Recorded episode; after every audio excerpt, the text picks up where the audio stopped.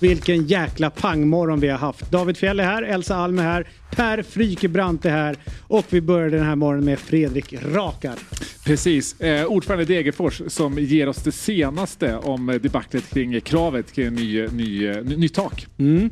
Sen tog vi oss till Solna och Jasmin Mohammed. Ja, som berättar lite om kungens märkliga handskakning och varför han sträcker ut ett finger när han hälsar på folk. Mm. Otroligt märkligt. Ja, pistolen. Ja.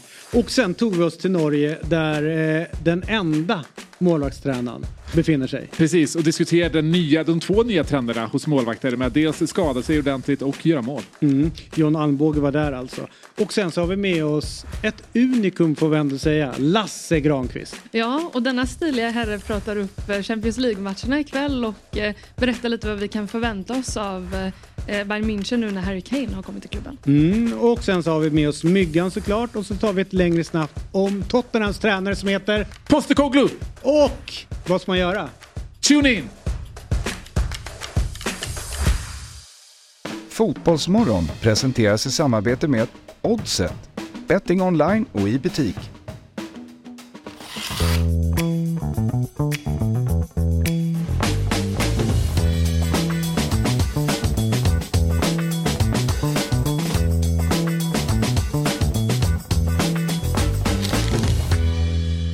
Morgon, hjärtligt välkomna ska ni vara till Fotbollsmorgon 20 september. Och eh, det är ett sånt här mitt i veckan avsnitt. Elsa och Per, hur är det med Midweek Games? Är det någonting ni gillar? Fotbollsmorgon under the lights Ja. som de kallar det. Ja. Ja. men det Den ju... floodlights. Exakt. Ja. Nej, men det här... eh, Men gillar du mitt i veckan Ja. matcher? De omgångarna som helt plötsligt dyker upp.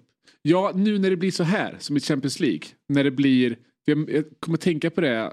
Det var egentligen först igår morse när jag liksom såg det, hur ni snackade upp inför Champions League. Så här, varje gång ett Champions League drar igång, men sen också när, när internationella ligorna drar igång och VM så. så här, hur mycket jag älskar fotboll Mm. när de här nya ligorna drar igång. Sen så går det ganska snabbt att liksom glömma bort det. Och sen bara fundera, varför håller jag på med den här skiten? För? Mm. Men just i början. Ja, jag fattar. Är du, är du eh, Elsa, är du en sån eh, eh, människa som är, blir riktigt sprallig av Champions League-fotboll? Nej, alltså jag kan bli sprallig ibland om det blir så oväntade resultat eller om det, det är mm, kul matcher på förhand. Men eh, nej, inte jätte. Men jag tyckte det var lite kul igår. Och eh, vanligtvis så gillar jag, jag gillar ändå att eh, man har några matcher mitt i veckan som man kan kolla på. Om man mest ändå är som jag och gillar allsvenskan och vill vara på plats på helgerna så kan det vara kul att ha lite i veckan också. Ja.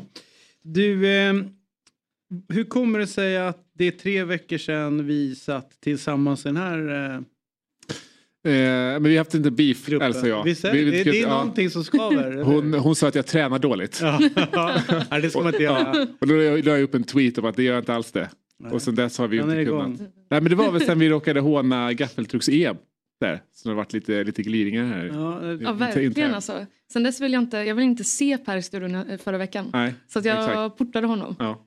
Så att han var inte Det är så prioriteringsordningen går. Det är roligt med. Elsa ändå som eh, alla då tror och i synnerhet eh, eh, stora seriösa viktiga DN Ja. tror ju att Elsa eh, ska bli statsminister en dag. Ja. Men för att ha en framtid utstakad för sig likt drottning Victoria, Mm. kronprinsessan, så måste man liksom på något sätt också hantera att man hamnar i offentlighetens ljus på ett helt annorlunda sätt än vad man kanske gör idag. Ja. Att hon är så eh, lättkränkt. Exakt, men det påminner lite om en diktatorsdotter. Ja, eller hur? Som liksom så här avrättar folk som, som, eh, som inte riktigt håller med dem. Så. Mm. Som man har hört om, eh, ja, om det är Uzbek- Uzbekistans eh, presidents dotter har ju varit så mycket liksom, Lättkränkt. lättkränkt och liksom eh, avrättat folk. Eh, lite sådär eh, hysch-hysch. Jag tänker Elsa så har här Per, jag, den, jag, eh, jag har förlåtit dig, jag har släppt dig och gått vidare men eh, du borde kanske kolla en extra gång över axeln när du går hem på Ja. kvällarna. Ja men det, det gör jag. Det gör jag. Jag har liksom en Ni, Elsa-radar. ni, har så, ni har så märklig relation ni två. Eh, därför jag vet inte om ni eh, ska döda varandra snart eller om det är bara skoj. Men vet ni vem som fyller år idag? Efter en eh, gårdag där det var precis alla. Som Ja det var det verkligen. Ja, Kul. jag satt ju jättelänge och Ja. rabblade, rabblade namn. Nu till en av svensk fotbolls bästa forwards.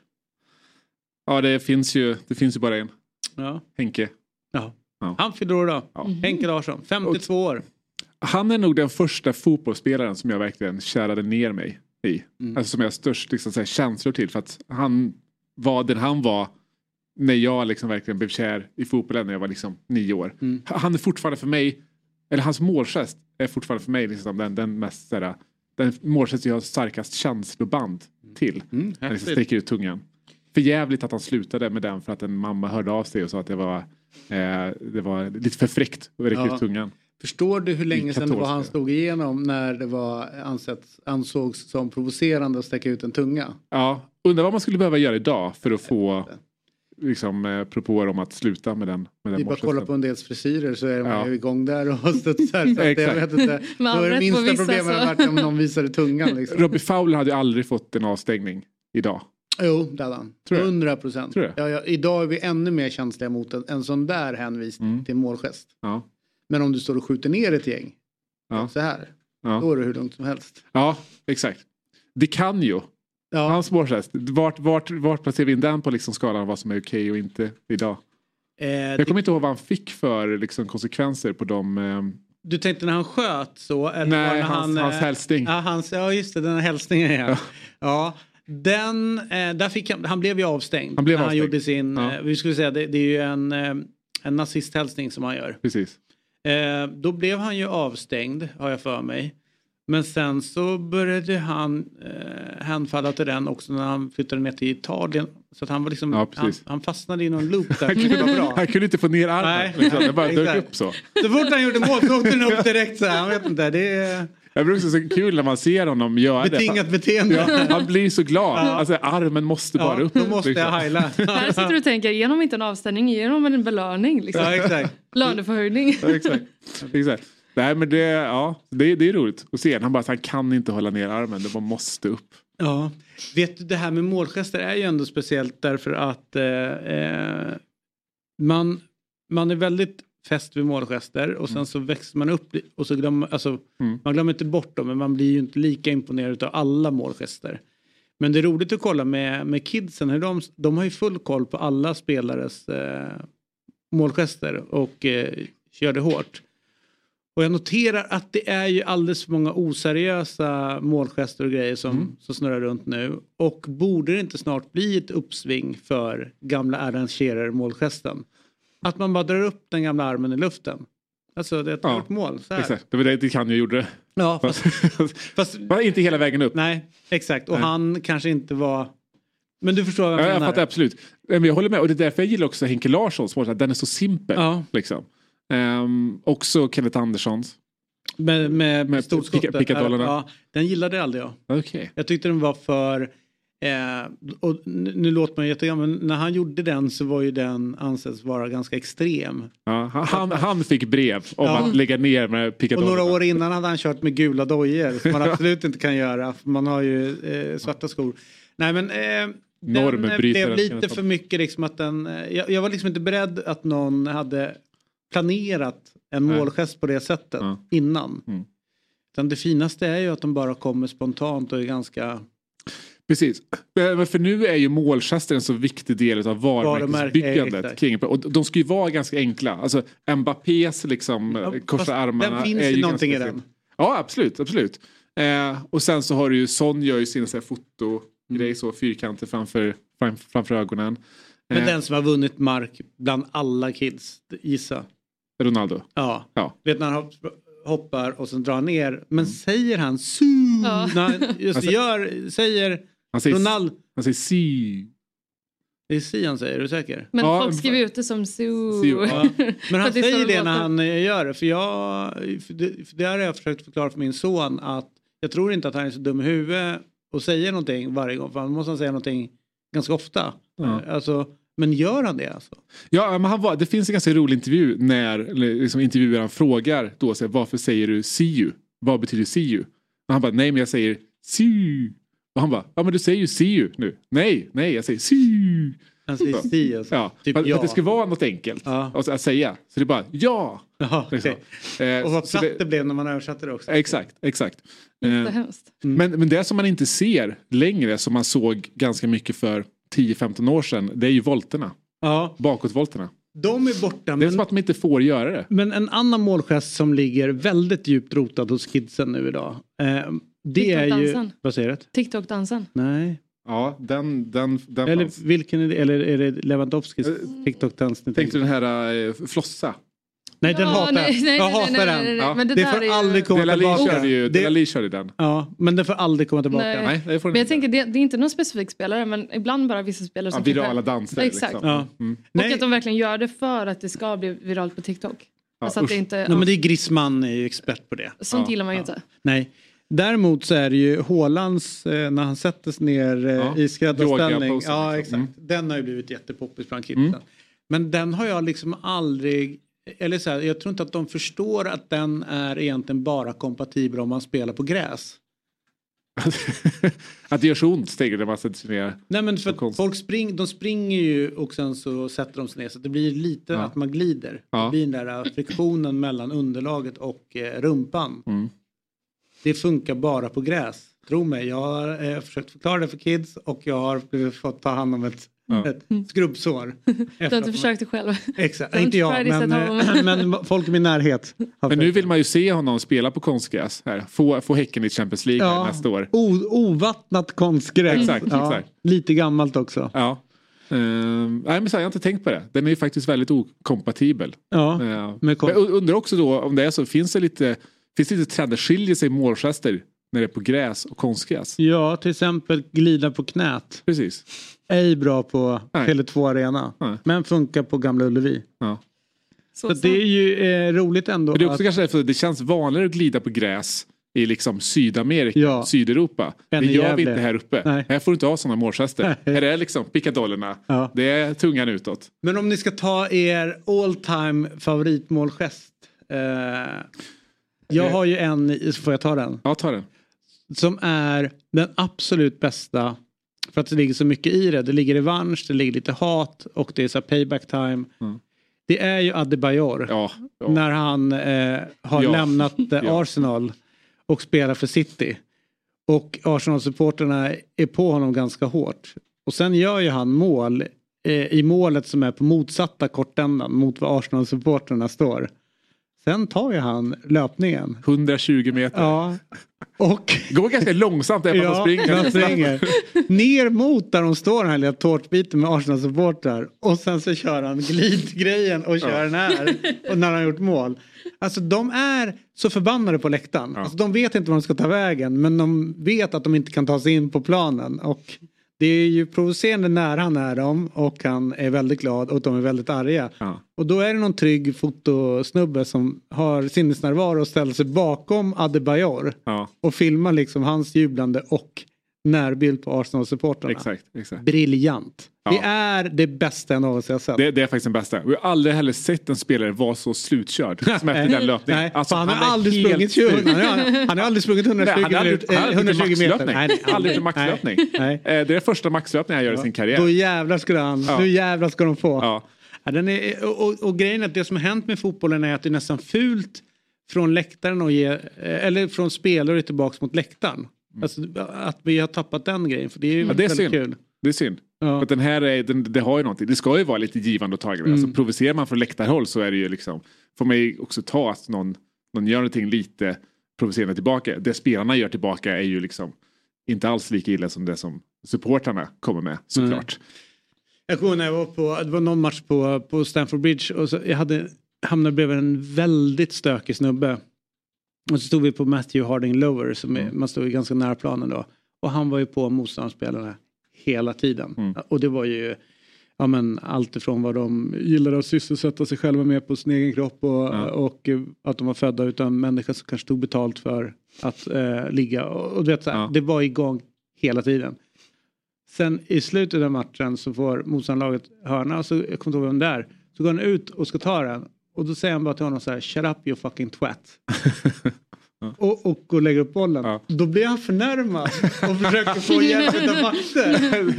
Honom. skönt. Det får man inte göra. Det, man bara vad? Du har hållit på i 70 plus minuter och kört liksom allt möjligt. Men om det är en grej till dig. Då är det bara åh fan. Så. Jävla roligt. Ja. Men det säger väldigt mycket om antiintellektuella fotbollssupportrar. Det kan vara. Ja, Nej. eller så är vi intellektuella men, eh, men det går varvet runt. Ja. Men i efterhand måste det ha varit hans stora dag typ. Alltså någonting han måste ha berättat om. Ja, ja visst eh, att det dök upp någon. Eh, Verkligen någonting att skriva hem om så att säga. ja. Du, innan vi tar oss an vår första gäst, Fredrik Rakar som är ordförande i den fina föreningen Degerfors. Mm. Så, eh, så är vi väldigt glada över att vår hashtag vacker fotbollsmorgon, eh, som är en väldigt svag hashtag, Ja, ja. Mm. ja. men den Men- verkar, men- den verkar växa på folk. Exakt, exakt. Men det, men det är som med varumärkena att säga att det, det handlar inte så mycket om vara het utan det handlar om vad, vad, vad man gör. Vad man laddar och med. Folk, folk fyller det med. Exakt. Mm. Mm. Men det är lite 60-talist-vibbar över den. Ja. Ja. Alltså så. Och då ska du veta att det var 90-talister som plockade ut det. Men eh, så här är det. Typiskt millennials. Vi har ju fått ett nytt mejl, den här gången från Mikael Söderström. Han skriver följande. Hej, tack för ett väldigt bra program som jag kan se varje dag. Dock inte på söndagar, så jag vet inte riktigt vad han kollar på där. Eller repriser. kanske han kollar repris. Ja. Bäst. Väljer ut bästa Ja, programmet, ja. alltid onsdagar. eh, jag har nästan gått bort i en stroke, oj, är 35 år, men har nu en son på två och ett halvt år. Så mitt liv har tagit en del vändningar. Jag är mitt i min rehabresa nu och mitt liv består av många svängningar. På så sätt är det väldigt skönt att kunna ha något så stabilt som Fotbollsmorgon varje dag. Med vänlig hälsning Mikael Söderström. Och även fast Mikael inte delar med sig någon bild eh, på sin vackra Fotbollsmorgon så vill vi skicka vår hälsning till dig Mikael. Eh, vi tänker på dig och hoppas att allt går bra eh, med din rehabilitering. Shit vad det där tog hårt på mig alltså. Ja. Jag är ju rädd för stroke. Ja, nej men verkligen. Hoppas det att det eh, Ja. gå- går framåt. Jag, jag jobbar som personlig assistent med just stroke-patienter och det är ju... Eh, jag, jag vet att det krävs mycket träning och rehab men eh, liksom, över längre tid är det helt fantastiskt vilka liksom, framsteg man, man gör på det. Även fast man inte ser det i det lilla. Så jag hoppas att det... Eh, ja. Micke Mm. känner också att det går, går framåt. Ja, bra surr. Du, ehm, så här är det. Degerfors IF, eh, fin klubb. Ja, Spelar fin, på en kanske. gammal, gammal eh, fin arena, klassisk arena. Eh, heter Stora Valla. De har fått dispens för att spela där. Eh, det är så att om, om de då fixar, eh, som jag tror att de kommer göra, och är kvar i allsvenskan nästa år, så väntar nästa hot för klubben. Det är ju att de blir hemlösa. Eh, Svenska fotbollförbundet har märkligt nog som krav att arenor ska ha 3000 sittplatser under tak. Eh, vilket Stora Valla inte har. En ombyggnation är därmed ett måste om Degerfors ska få vara kvar på sin arena. Men Degerfors kommun har meddelat, som äger arenan då, att det enbart har kommit in anbud som är över den kostnad som kommunen är villig att investera, det vill säga eh, 15 miljoner. Och jag tror att det pratas om en summa uppåt det dubbla, 30 miljoner för att bygga det här. Eh, Fredrik Rakar som ordförande i Degerfors, det är klart att de har haft problem med det här. Det roliga är att både Rakar och andra inom Degerfors säger så här, vi har inget behov utav ett tak eh, och ha 3000 sittande. Vi är rätt nöjda med hur det är nu. Och då har de hamnat i det här läget att för en liten kommun, eh, dessutom i tider med hög inflation, eh, med eh, höga, eh, höga räntor, ökade kostnader, som alla vet och alla pratat om, att kommuner går på, på knäna. Så det är klart att en, som, eh, att jobba i en kommun och stå mellan eh, 30 miljoner till skolan, eller till sjukvården, eller till äldreomsorgen, eller bygga ett tak på en arena, så det är klart att det är helt fel att lägga de pengarna eh, på ett tak. Mm. Och det här är ju fattat av Svenska Fotbollförbundet som ska vara en, eh, en demokratisk eh, organisation som ska värna alla. Och då kan man tänka, är det möjligt att från en liten ort ha en bra fotbollsverksamhet att kunna ta sig hela vägen upp och faktiskt kunna vara kvar där och spela på sin hemmaplan. Eh, Ehm, alltså går det med nu- nuvarande regler? Eller är det så att om du kommer från en liten ort så måste du per automatik flytta till en större arena? Mm. För att det inte finns pengarna för att göra det. Så det här är det Degerfors har hamnat i och jag tycker det är en väldigt jobbig situation för dem. Eh, och det är väldigt mycket pengar eh, och 30 miljoner i Degerfors vad är det, en och en halv miljard kanske? Motsvarande i Stockholm. Ja, ja, verkligen. Alltså om man säger eh, för kommunen. Så det ska bli intressant att höra nu eh, för det är väldigt mycket pengar det handlar om för eh, eh Fredrik Rakar. Som har haft det mycket nu på slutet Fredrik. Det är ju både tränare som ska lämna och det är eh, omorganisation utav den sportsliga ledningen eller på kontoret. Och sen så ska ni eventuellt måste ni bygga något nytt tak och sen så måste ni börja vinna lite fotbollsmatcher. Så att likt jag så är du lite gråhårig ju. Är det så att de gråa håren har börjat eh, tillta nu på slutet? Ja, eh, jag liknar George Clooney mer varje dag. Ja, det där är nästan lika bisarrt som att vår kollega Kristoffer eh, Kviborg tycker att han ser ut som Leonardo DiCaprio. Men låt, jag låter både dig och Kristoffer leva kvar tack, i din Tack så mycket. Ja. Dessutom ska vi ju hantera då alla tyckare som eh, försöker representera det som händer på ett så negativt sätt som möjligt för att känna sig bättre själva. Så att det är mycket att stå i nu som ordförande för Degerfors IF. Det är mycket press, många insändare, många som har åsikter om det här med arenakraven naturligtvis. Och eh, vi förstår ju po positionen som kommunen har. Vi förstår också fotbollsförbundet. Det finns väl någon sorts minimistandard men vi är klämda här och vi behöver hitta en lösning.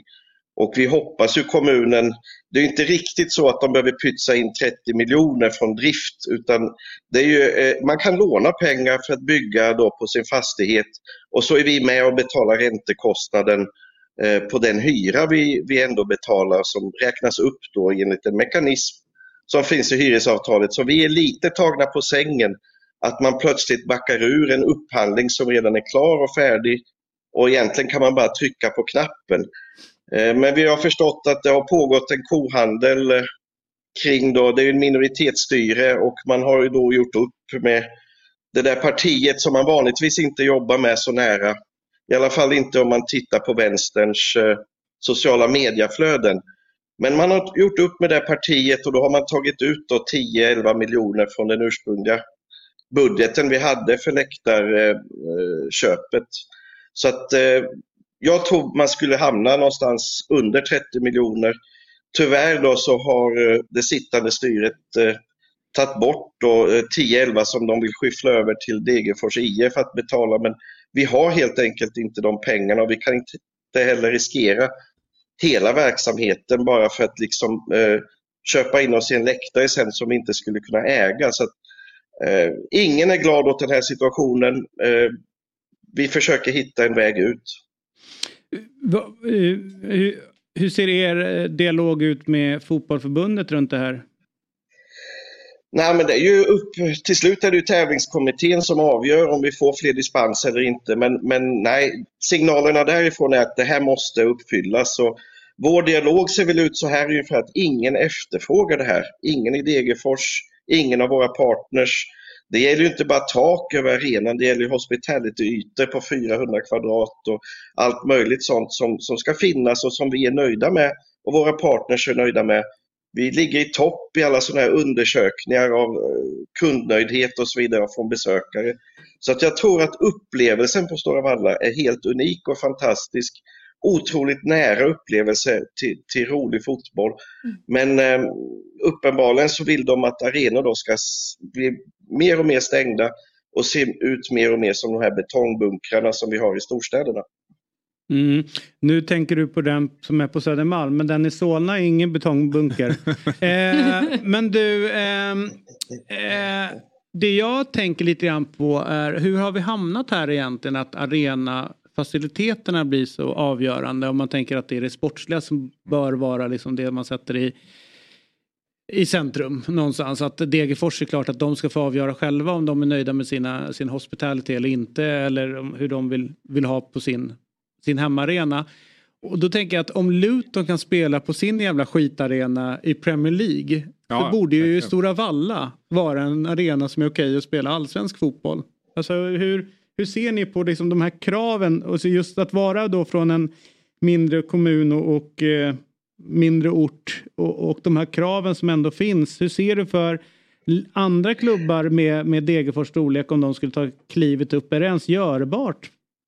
Ja, det blir väl svårare och svårare, men jag tror att det är de små stegens tyranni här egentligen. Att eh, ingen vill ju någon annan illa i det här, utan eh, det finns ju vissa krav när det gäller säkerhet, när det gäller arbetsmiljön, för de som, alltså, och ljus och tv-sändningen och allting sånt som vi tycker ändå är eh, rimliga så att det kan bli en, en bra sändning, att det kan vara en bra säkerhet för spelare och ledare och, för, och publik och så vidare. Men eh, när man kommer in på hur restauranger ska vara, alltså hur hospitality-ytorna, att det ska vara 500 VIP-platser och så vidare, då bör man in och tassa på, tycker jag, det som är unikt för varje ställe, för varje kult, fotbollskultur på det stället och för den publiken som kommer.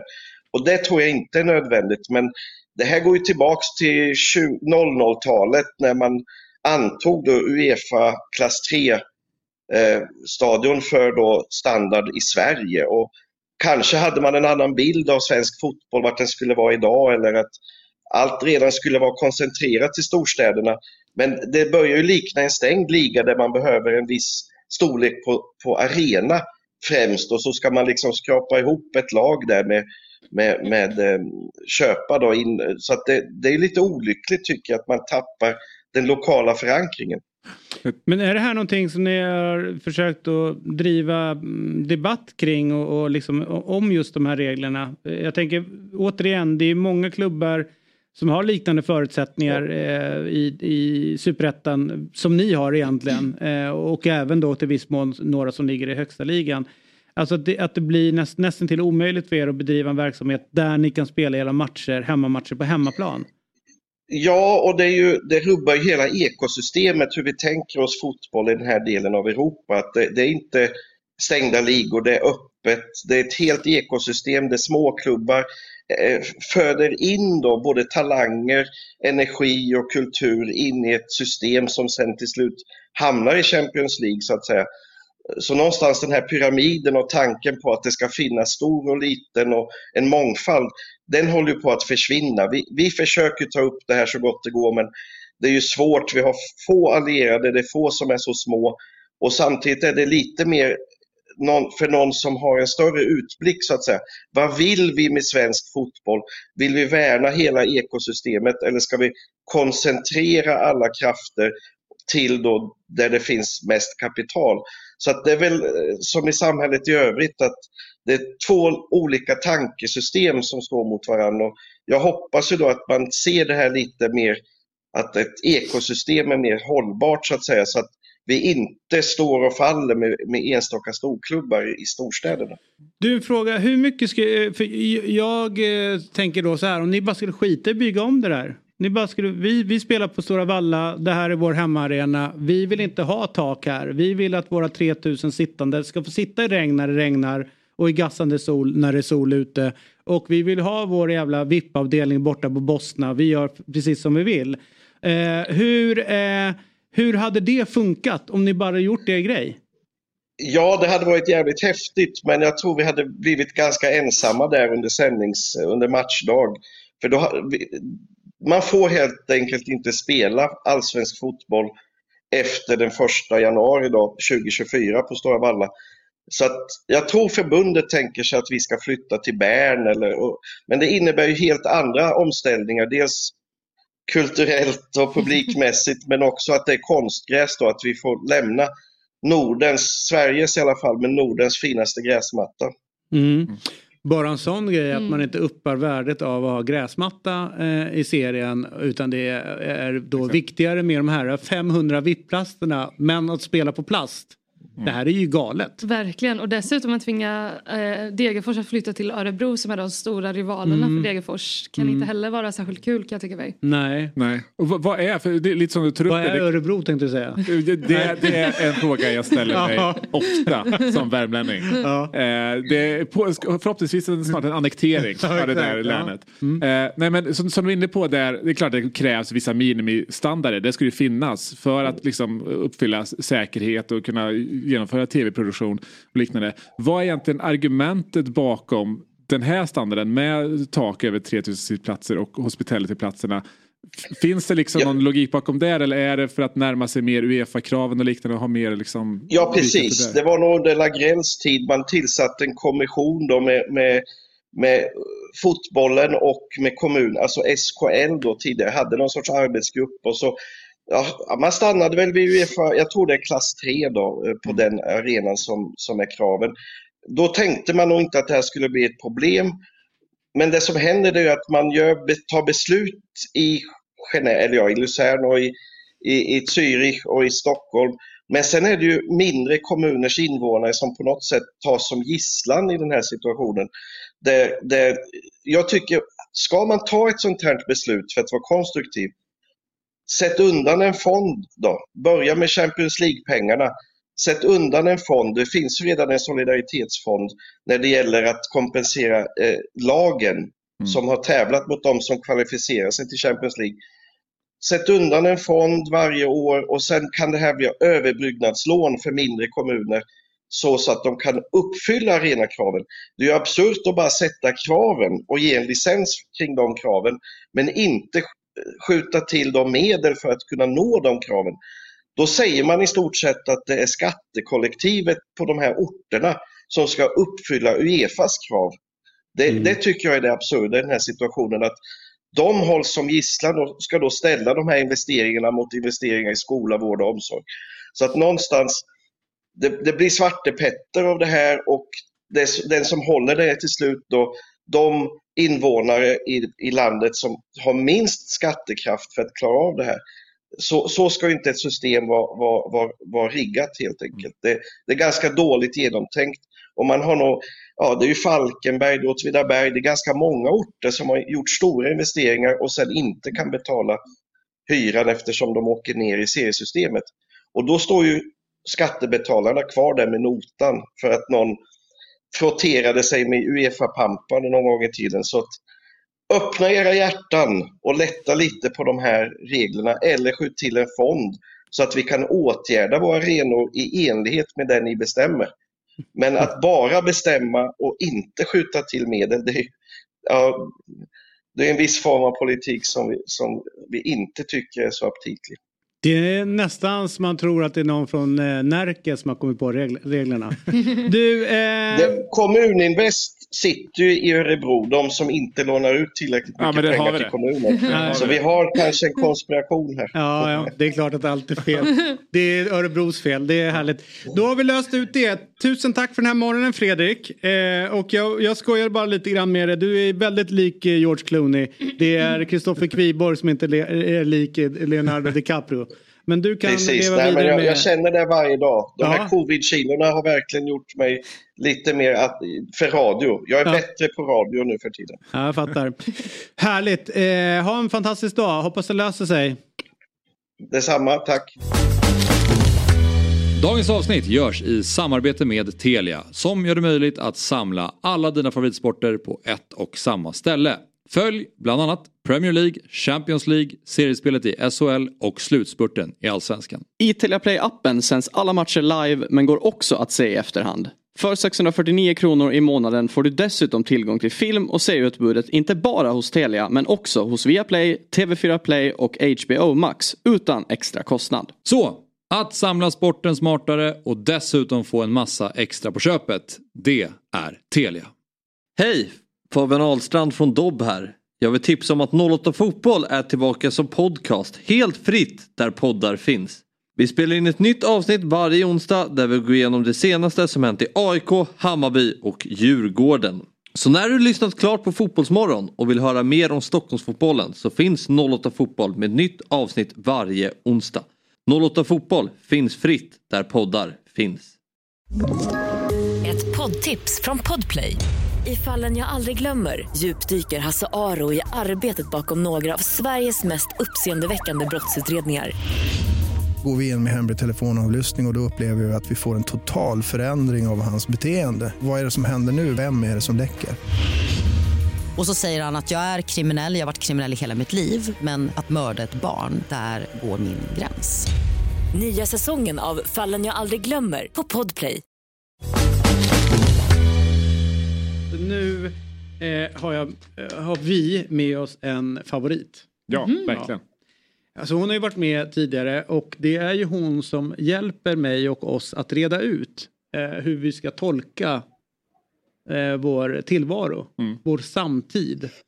Eh, hur vi ska eh, tänka på att om, om någon säger någonting, hur ska jag, hur ska jag, hur ska jag liksom tolka?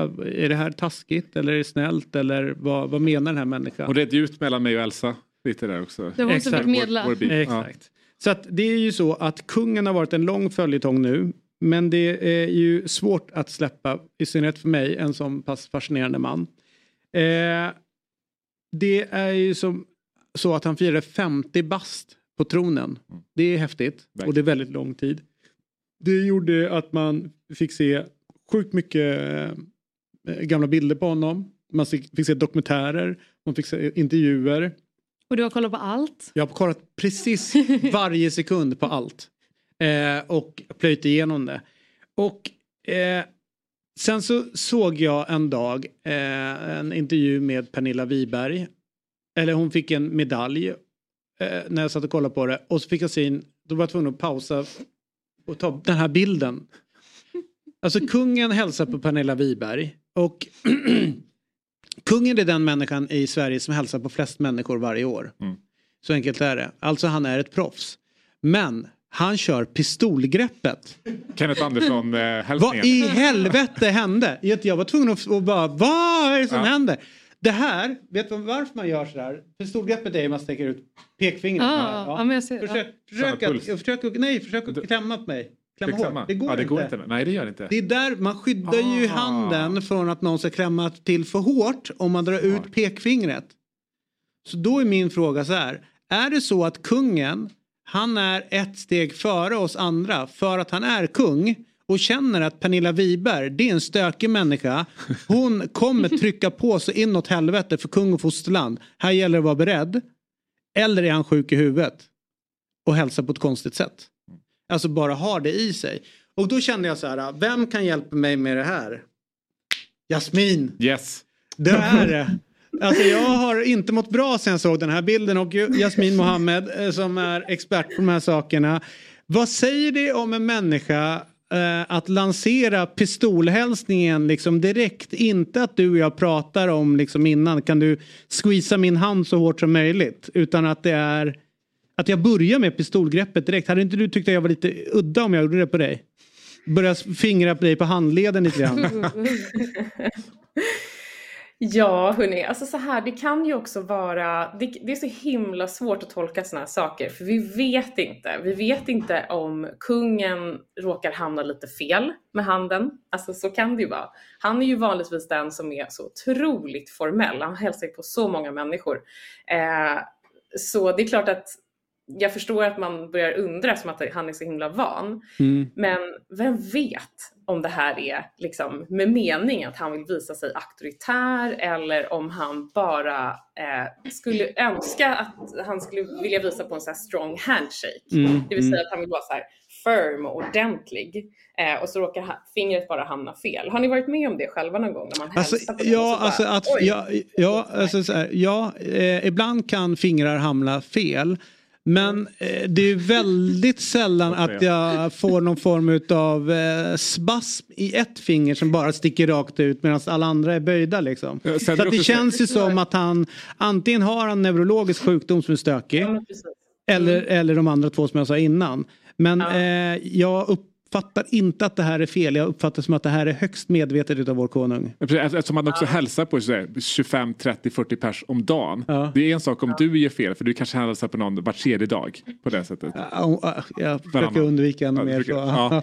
Eh, jag, jag, jag försökte höja det Ja. lite. Men just eftersom att han gör så mycket borde han inte göra fel. Nej, Liksom. och därför är det medvetet. Jasmin, vad säger du om en människa som kör pistolgreppet? Alltså det tyder ju i så fall på, eh, om han gör det här medvetet så är det ju att han vill visa på auktoritet ju. Där har vi det. Men jag vet, en gammal, jag vet en gammal statsminister som har som härskarteknik att peta folk i magen. Just det. Alltså fram med... Är det Göran? Ja, det är Ja. Göran. Gotta love him alltså. Jag har, jag har vänner som har blivit Ja. petade i magen av honom med lite så här Ja. hånfulla kommentarer. Nej, är det sant? Ah, vad mäktigt. Tror att han gjorde det på Angela Merkel? Inte omöjligt alltså. Inte omöjligt. Ah, inte vad omöjligt. stort. Tjena, Hur var det här då? det kanske är en härskarteknik att stötta Ja. fram eh, pekfingret. Vad hade du sagt om eh, du, du och jag hade sprungit på varandra Jasmin och jag hade gjort den Mm. lilla peten på magen. hur, hur var det här Oj, då? på magen, då hade jag känt oj vad hände här? Ja. Nu kan vi börja om? Kan vi göra om det här? Ja. Vi går ut, vi går ut och så går vi in igen. Vi måste bara börja om. Ja. brukade Magdalena Ribbing säga, ifall han, ifall, för att handslaget är ändå så här första intrycket av en människa, så den är ju viktig att den Ja. faktiskt sitter. Så Magdalena Ribbing brukade säga att så här, om det blev fel, då börjar man om. Vad roligt om man skulle göra det. För att eh, vi har ju en här på jobbet hemma på Dobb. Eh, han heter Axel och jag tycker det är väldigt roligt att göra döda fisken på honom och har gjort det Ja. mer eller mindre sen första gången jag träffade honom. Men det är inte mitt normala sätt att hälsa på. Men det är bara väldigt kul att göra det med honom. Och han får alltid någon konstig blick så där när man gör det. Och då tänker jag att han är kommer ju komma ihåg mig, eller hur? Han kan ju sitta och säga så här, men jag har en idiot på jobbet som inte kan skaka hand. Och jag är den personen och har varit det väldigt länge. Så det är ju kul att man kan också markera någon form av närvaro. Eh, Även fast man inte är närvarande. Genom att ha ett Nej. stökigt handslag. Ja, verkligen. Är det man det verkligen kungen håller på med tror du? Och det är så svårt att säga för jag tittar, alltså, det är omöjligt att säga vad kungen egentligen menar. Sen vet vi ju så här, kungen har ju, han, han är ju otroligt säregen liksom. Man tittar på dokumentärer, intervjuer och, och så som han gör. Och jag tycker att det är roligt ibland att citera kungen för att han kan uttrycka sig väldigt lustigt eh, Mm. på många sätt. Ju. Mm. Eh, men tittade också på en ett annat klipp där han hälsar på Johan eh, Olsson, längdskidåkaren. Mm. Eh, och, och där kan man tänka så här att eh, ifall han skulle göra som en sorts eh, Trump-hälsning, vill säga att han så här, drar kungen Mm. till sig. eh, Liksom. Eh, eller men snarare du vet, den här väldigt auktoritär, det auktoritära sättet. Men sen började jag också titta på att så här, okej, fast han går snarare in och kungen liksom tar snarare ett steg närmre Johan Olsson. Och det kan också indikera på att han säger jag bjuder in dig till mitt personliga space och ehm, ja, men du är välkommen, jag tycker om dig. Och det kan också skapa en så undermedveten Mm. eh, känsla hos Johan Olsson att så här, Åh, kungen tycker om mig, jag är bekväm här. Medan Johan Olsson då visar sig lite så här distanserad av ren egentligen respekt, Mm. eh, troligtvis. Men du eh, Jasmin, en fråga. Eh, för eh, tre stycken lekmän som sitter i studion så är det rätt skönt att man, eh, man kanske blir exponerad för ett konstigt handslag eller någonting. Pet i magen. Och vi vet inte så mycket om vad det beror på utan vi konstaterar att någonting har hänt. Men att traska runt i livet som du som är så medveten om alla de här grejerna. Alltså varför gör någon? Är det härskarteknik? På, alltså kan du ha hur funkar du ute i samhället? Kan du fungera som oss vanliga eller går du runt och tänker alldeles för mycket på folks liksom olika tekniker? Eh, att härska eller söndra eller vara... Vet, blir, det, blir det att du går och läser, läser folk lite för mycket? Eh, ja, emellanåt så kan jag säga att jag har ett så väldigt rikt inre liv eh, Mm. där jag liksom går runt och tittar och tänker. Samtidigt så måste vi komma ihåg att vi alla människor är så otroligt så självfokuserade. Och det gäller ju även mig. Vi går ju runt och tänker på oj, hur uppfattas jag? Jag vill ju komma fram som så bra i den här situationen jag kan. Eh, så att ja, det är inte så att det liksom det stör inte mig så mycket. Det är snarare intressant att liksom observera, så här, okej vad hände här? Och sen är det så här, som Björn Attiko sa, jag kan ha fel. Alltså, Mm, det tror jag inte att du har. jag tänker. Nej, men det kan ju vara så att så här, ibland så kanske jag får ett dåligt handslag med någon eller jag känner att så här, oj, vi vibar inte riktigt här, du gjorde något konstigt, liksom, tycker jag. Mm. Men, men man måste också vara öppen för här, okej, vi ger en andra chans kanske. Alltså, så att man inte, jag försöker inte vara så himla dömande för att vi alla är så himla så här, olika och ibland så ja, gör vi konstiga saker som inte behöver betyda någonting. Liksom. Du, innan vi släpper dig, jag vet att du har ett pressat schema. Det är ju så när man är bra på sitt jobb. Eh, du har ju varit med här några gånger och från början så sa du att ditt intresse runt fotboll inte var speciellt stort. Men nu när du är en viktig och integrerad del av Fotbollsmorgon, känner du nu att ditt intresse börjar liksom eh, eh fyllas på? Bli större? Ja, alltså fotboll, ja men det är så här, fotboll, det växer på mig på ett sätt för att jag har också med olika fotbollsklubbar att göra i mitt yrke eh, nu för tiden, vilket Mm. är jättekul. Sen kommer jag från en fotbollsfamilj. Min pappa är total fotbollsfanatiker, bajare. Mhm, Brorsan beklagar. är total fotbollsfanatiker, AIK-are. Eh, och sen råkar jag också bo jättenära Friends Arena. Mm. Så att jag är liksom, fotboll är, jag har det bara Ja. framför mig. Man ser ju att du har eh, levt nära en vettig människa i din bror. Att du har, Ja, har spilt över lite grann där. Men du, eh, lycka till med dagen. Eh, innan vi då eh, avslutar helt och hållet. Är han ett, ett, ett geni eller dåre som hälsar på det där sättet? Kungen alltså. Geni kanske. All right. Det här är bra, det här är bra svar. Det är bra. Härligt! Tusen tack för den här morgonen. Tack själva hörni, ha Ja, det så bra. Hej då. Hej. Ha det gott. Ja, men det Hej. där är ju, jag tycker det är väldigt viktigt att kungen har det där handslaget. För man, man, man tittar ju på ehm, ja, men stora politiska ledare. Ja, men ta, ta Trump, han har ju sitt Ja. ha- handskak. Ehm, Putin har sitt. Indiens premiärminister eh, Modi har sitt. Och jag har alltid känt att vi har saknat det lite grann. Men nu har vi liksom kungens Pistolen. karaktäristiska Ja. pistolgrepp.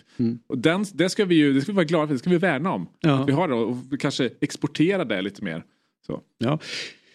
Du, eh, en som har ett jävligt stökt, stökigt handslag är eh, Percy Nilsson. Du vet han eh, Malmö-byggherren där som har byggt Malmö Arena och Hyllie, hela området. Och var inne i Redhawks. Mm. Eh, Jag skulle intervjua honom i en hockeypaus när det var Tre Kronor som spelade nere i Malmö. Då dök ju han upp. Men du vet, han är så här byggar... Ja. Du kan ta honom bort från byggvärlden men aldrig byggvärlden Nej, från, nej. eh, från Percy. Och, och eh, det är viktigt där att eh, om två män möts då blir det någon så här let's fight it off. Liksom. Vem är starkast utav oss Exakt. två? Jag har aldrig varit inne i den världen. Jag har lite för petita och långa fingrar och lite för klen liksom. Så jag har aldrig liksom, aldrig kört det. Men han kom precis när vi så här, ja, välkommen in. Så får han tag i min hand och får liksom greppet där över. Alltså, Ja, knogarna Ja, gör ont. Och sen tryckte han på en vanlig hälsning. Jag var inte beredd på den. Han är inte på att få ut något så här kungafinger eller ingenting liksom. Och det bara knakar till. Det är det sjukaste jag varit med om. Sen står jag på riktigt så här äh, i pausen och bara dunkar i handen. Alltså han har typ klämt sönder min hand. Och, det, och sen efteråt så här, jag, jag bara, vad, vad var det där? Han bara, det var då? Jag bara, du tryckte sönder min hand typ. Han bara, det var ju vanligt halvslag. Alltså det är sjukt. Ja.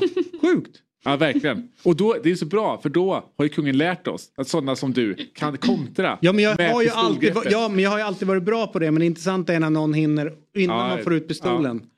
Du så här är det. Vi ska alldeles strax prata med Jon Alvbåge. Så, så är det så man uttalar det ja, nu för tiden. Ja, Arne Erlandsen gjorde ju det. Kommer du ihåg eh, tränaren Arne? Det gör jag. Det finns mycket story runt honom kan jag Gud, säga jag det. tänka mig. Ja. Eh, eh, nästan som att man ska ringa upp någon eh, som hade honom någon gång och bara gå igenom på alla, alla konstiga stories man har hört om Arne Erlandsen, strid i Blåvitt. Jag vill gärna slå. Jag har ju, det har ju hänt konstiga grejer i mitt liv. Jag har ju blivit med en eh, Playstation-konsol Mhm. hemma. Inte fått utan köpt så det är ingen reklam. Så. Och så har jag börjat, eh, börjat spela lite grann. Jag har inte varit en tv-spelsmänniska. Har liksom hållit mig borta från det. Men känner med, med åldern att man har mer tid över eh, till annat. Och eh, har eh, då kommit in i den här Fifa-världen. Mhm. Och vet ni vad? EA Sports släpper ju alldeles strax FC24. Ja, äntligen. Och under de flesta släppen tidigare har inte jag brytt mig för jag har inte varit inne i den här världen. Men känner mig märkligt sprallig inför släppet. Hur tänker ni? Alltså är ni, in, är ni sådana som eh, Fifa, Ja. på Fifa, er? FC, FC oss. Ja, FC det ja, nej, men det är ju det, är det, alltså, det, är största årstidstecknet som vi har i samhället. Att när, när nya liksom EA Sports fotbollsspelet, oavsett vad det Mm. heter, när det kommer, då vet man här, nu går vi mot lite mörkare tider, nu får man vara inne och spela och hålla på. Liksom. Jag har ju alltså varit i med en som heter Johan Meijer, alltså fan-tv-Budda. Vi Mm. blev ju inbjudna för tusen år sedan till Vancouver. Där de då gör de här spelen och fick vara inne i så motion graphic-rummen. Eh, jag fick, eh, och jag kommer inte ihåg vilken, vilket år det var exakt. Men det är faktiskt ganska roligt. Jag fick ju då slänga mig som målvakt efter en boll. Och så höll de på att tracka det. Ah. För de höll på med nya spelet då. Ja. Så Det är, nu, det är nu du berättar att du bröt något ben eller? Jag gjorde inte det, eh, men jag tror att några målvakter fick lite högre eh, värde efter det. Du är nollvärdet. Ja, exakt. Ja. Jaha, i relation till Fjällsen, mycket bättre. Men det var sjukt spännande. Alltså hela den fabriken som är där och alla de människorna som är där och all, alltså allt det de håller på att jobba med gjorde att, man, att jag fick upp ögonen för eh, just det här eh, EA på ett, eh, på ett sätt som jag eh, inte har glömt bort. Det var sjukt häftigt. Mm. Nu i alla fall så är FC24 på väg ut. Och jag har eh, förberett en liten grej till den här morgonen. Eh, jag ska ställa olika spelares FC24 stats mot varandra. Eh, till exempel har Tyckosen högre stats än Vecchia? Mm. Ska jag svara? Ska- Nej, men alltså då... Eh, det, det är Får du liksom... det som helhet eller? Ja. Du kollar inte, Hel, på- nej, det är ja. helheten. Inte vem som är snabbast? Nej, nej. Nej. Och, och här är det ju liksom, det är ganska enkelt då. Eh, är, eh, eh, Vecchia har ju högre än Tyckosen, Mm, måste han ju ha. Ja, gud ja. Okej, först då. Fridolina Rolfö. Mm. Ni vet vem det är? Jajamän. Svinmäktig, spelar Barcelona. Har hon högre eller lägre stats än Ada Hegerberg? Högre? Eh, jag tror lägre. Ja. Det är en jävla praktskandal. Ja. Du vet, eh, Rolfö har 87. Men eh, Ada är på 89. Dock kan jag säga så här. Det enda som gör att jag tycker att det är en skandal är ju att Ada är från Norge. Ja, ja. Gud ja. Eh, men jag skulle nästan kunna tillstå att, eh, att hon är värd att ha 89. Hon är en duktig spelare. Hon är jävligt Hon är bra. väldigt bra. Men man vill ju gärna få de svenska glasögonen. Ja, så att egentligen så med dem på så borde det vara tvärtom. Verkligen. Ja. Är ni beredd då? Ja. Eh, en spelare från Tottenham tar vi då. Ja. Dejan Kulusevski. Mm. Eller följande spelare från Newcastle. Alexander Isak. Eh, Isak är nog eh, högre. Vad säger du? Jag tror Isak är högre men jag vill se Kulusevski. Ja, vad roligt att ni velar. Ja. Så här, jag vill säga den men jag tror den och så här. För att de är exakt lika. Okej. De är 81. 81. Ja. Ja. Jag, skulle tipp- jag, hade, jag hade faktiskt tippat på att eh, Kulusevski var 80 och Isak 82. Eh, men där har vi då, skotten är 77. Eh, det är väl det, han har ju tränat otroligt på sin högerfot här under sommaren. Det har man ju sett nu. Ehm, ja, defensiven 56 måste ha bättre defensiv än så. Och jag tycker att de har läst Isaks defensiv. Den är bara på 39. Ja, samma som Ada. Han är ju betydligt bättre än så. Så han borde ju ligga högre. Han ska ha bättre passning också, 72 är för lågt på Ja. passning. Ja, de har ju helt läst honom fel där. Men det är ju spännande. Mm. Eh, eh, så. Men kul ändå eh, att, att de finns med. Ja, ja, verkligen. Men det, och det är det här som är det roliga också när liksom, eh, nya spelet kommer. Att hela tiden diskutera siffrorna. Ja. Eh, Såg ni att... det är eh, nästan lika roligt som att spela. Nästan. Såg ni att Thiago Silva blev förbannad? Nej? Nej, det missade jag. Förba- Jag vet inte om, för det är svårt ibland när man läser någonting i text. För. Man vet ju inte om personen har sagt det i affekt, i affekt eller Nej. med glimten i ögat. Men i och med att jag har tolkningsföreträde som jag är den enda som har läst det. Eh, så säger jag att han var arg. Ja. Upprörd. Nej, de har tydligen sänkt honom två steg. Ja, det är väl inte så konstigt med tanke på att han är... liksom, Nej, men vet du han sa då? Nej. De kollar inte matcherna. Han håller inte med. Han säger att han är lika bra fortfarande. ja. Ja, tabellen eh, håller inte med. Nej, men det är roligt att han har ju varit bra hela Ja, tiden som den ja. enda spelaren. Ja. Uh, ja, men spännande. Det, det, det, det är ju väldigt roligt också att se liksom, när spelare får sina, eh, s- sina kort. Liksom. Och man märker hur yngre spelare Verkligen inte tycker det är viktigt. Ja, Ja. att de tycker det är väldigt viktigt. Och de, liksom så här, de skäms lite grann som skådespel över att de får ett 76. Medan de liksom säger, ja, men i fjol hade du 65. Det är bara för att du, du nu har börjat hänga med liksom Ja, 80 exakt. plus killar. Nej, exakt. Eh, Eh, 80 plus. eh, ska vi ta då lite grann på våran nivå då. Gustav Svensson. ja. Får jag bara säga en grej? Mm. Eh, nu är det ju kanske lite obsolet att köra landslagssurret nu och framförallt kommer med det efter en genomförd helg eller eh, landslagssamling. Borde inte Gustav Svensson vara aktuell som mittback? Eller åtminstone vara i truppen? Alltså han har ju officiellt slutat i landslaget. Eh, så... Men har han officiellt sagt att han slutar eller är det bara så att han inte har blivit uttagen? mm, nej, han har ju tackats av. Jo, alltså, men- Ihop med Sebastian Larsson, Marcus Berg, Gustav Svensson och Mikael Lustig. Alla de avtackades ju samtidigt. Mm. Men han spelar ju fortfarande, det är inte så, inget av de andra spelar ju eh, fotboll. Men han spelar ju fortfarande. En spelar ju ändå fotboll. Ja, Gustav Svensson. Marcus Berg också. Ja, ja, Marcus Berg. Ja, men, tänker jag. men han är ju liksom, han har ju, han vill ju verkligen inte, alltså han kan ju knappt spela fotboll idag. Eh, alltså för att han har problem med rygg och alltihopa. Så att jag har svårt att se att han, och jag har svårt att se att de petar Kulusevski utmaningar. Liksom. Ja. Alltså det är ju offensivt så har vi inte problem utan det är ju defensivt. Borde man inte liksom så försöka tjata på Pontus Jansson, Gustav Svensson, alltså sådana jag- som ändå är aktiva som skulle kunna göra ett jävla bra jobb på en position där vi har problem. Alltså skulle man välja en mittback i allsvenskan och ta ut så hade jag ju valt Gustav alla dagar i veckan. Och eller Pontus Jansson. Ja, jag väljer nog ändå Gustav före. Gör det? Det gör jag. Mm. Det är ju spännande med vilka glasögon man sitter... Ja exakt, jag tänkte komma till det. Vilka glasögon man har på jag tror inte sig. alla håller med. Nej, nej. Om det. Och det köper jag liksom. Det är klart att så här, men, men, och frågan är hur länge liksom. För det är klart att Gustav är ju liksom några år äldre och sådär. Men jag tycker att så här, när han har flyttat ner ett steg, alltså, eh, han gör det svinbra. Mm. Eh, sen, sen det är klart också, man kan ju prata om eh, ehm, ja, men att eh, Blåvitt har ett ganska lågt stående försvar och då är det alltså, lätt att se bra ut som mittback. Jo, liksom. och det tänker jag att det har Sverige när vi möter Österrike också. Ja. Alltså att när vi Så möter dem, det, ja, liksom. Ja. men när vi möter kanske lag som bara ligger på rulle och då kan vi ha någon som gillar att springa snabbt hemåt. Vet, en Jocke Björklund typ. eh, men, men när det är, eh, när vi ligger lågt så har, i och med att han har det in i sig från sitt liv på mittfältet. Så att han Att kan ju, liksom, ja och Mm. framförallt ha koll på saker runt omkring sig. Mm. Så att, ja, skitsamma, anledningen till att jag börjar prata om, om Gustav Svensson det är att vi ska se vem som har bäst stats utav honom och Ale, eh, Anton Saletros. Oh, det, alltså det måste Oj. vara Saletros.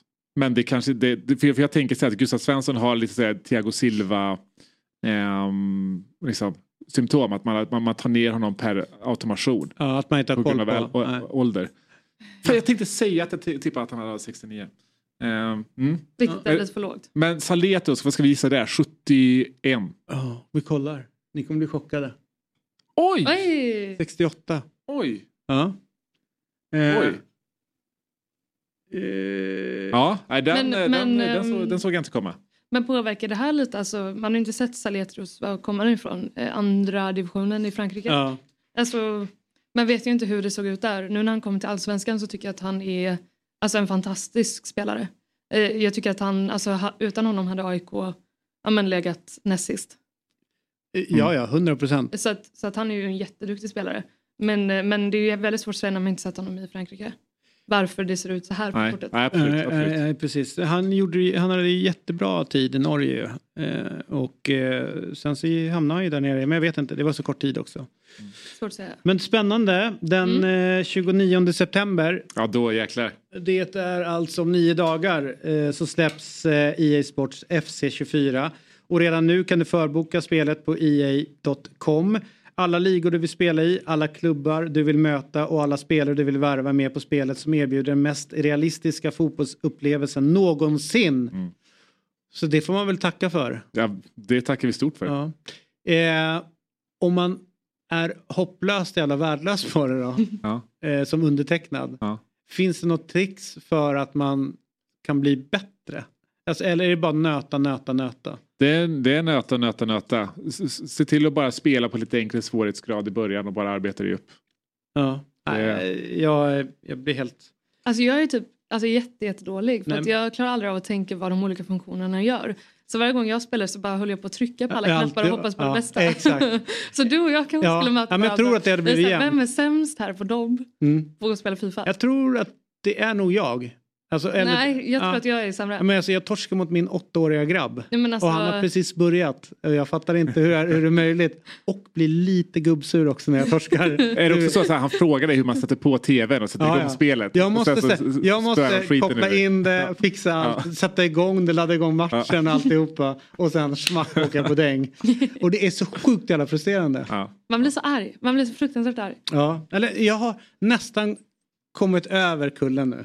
Och på väg ner. Jag blir inte arg. Jag konstaterar att jag är värdelös på det. Och du Men- accepterar det. Ja. Ja. Men däremot skulle jag vilja hävda att jag kanske är en av Sveriges bästa på att spela bilspel. Mhm. Mm. Har du en sån litet säte hemma också? Ratt?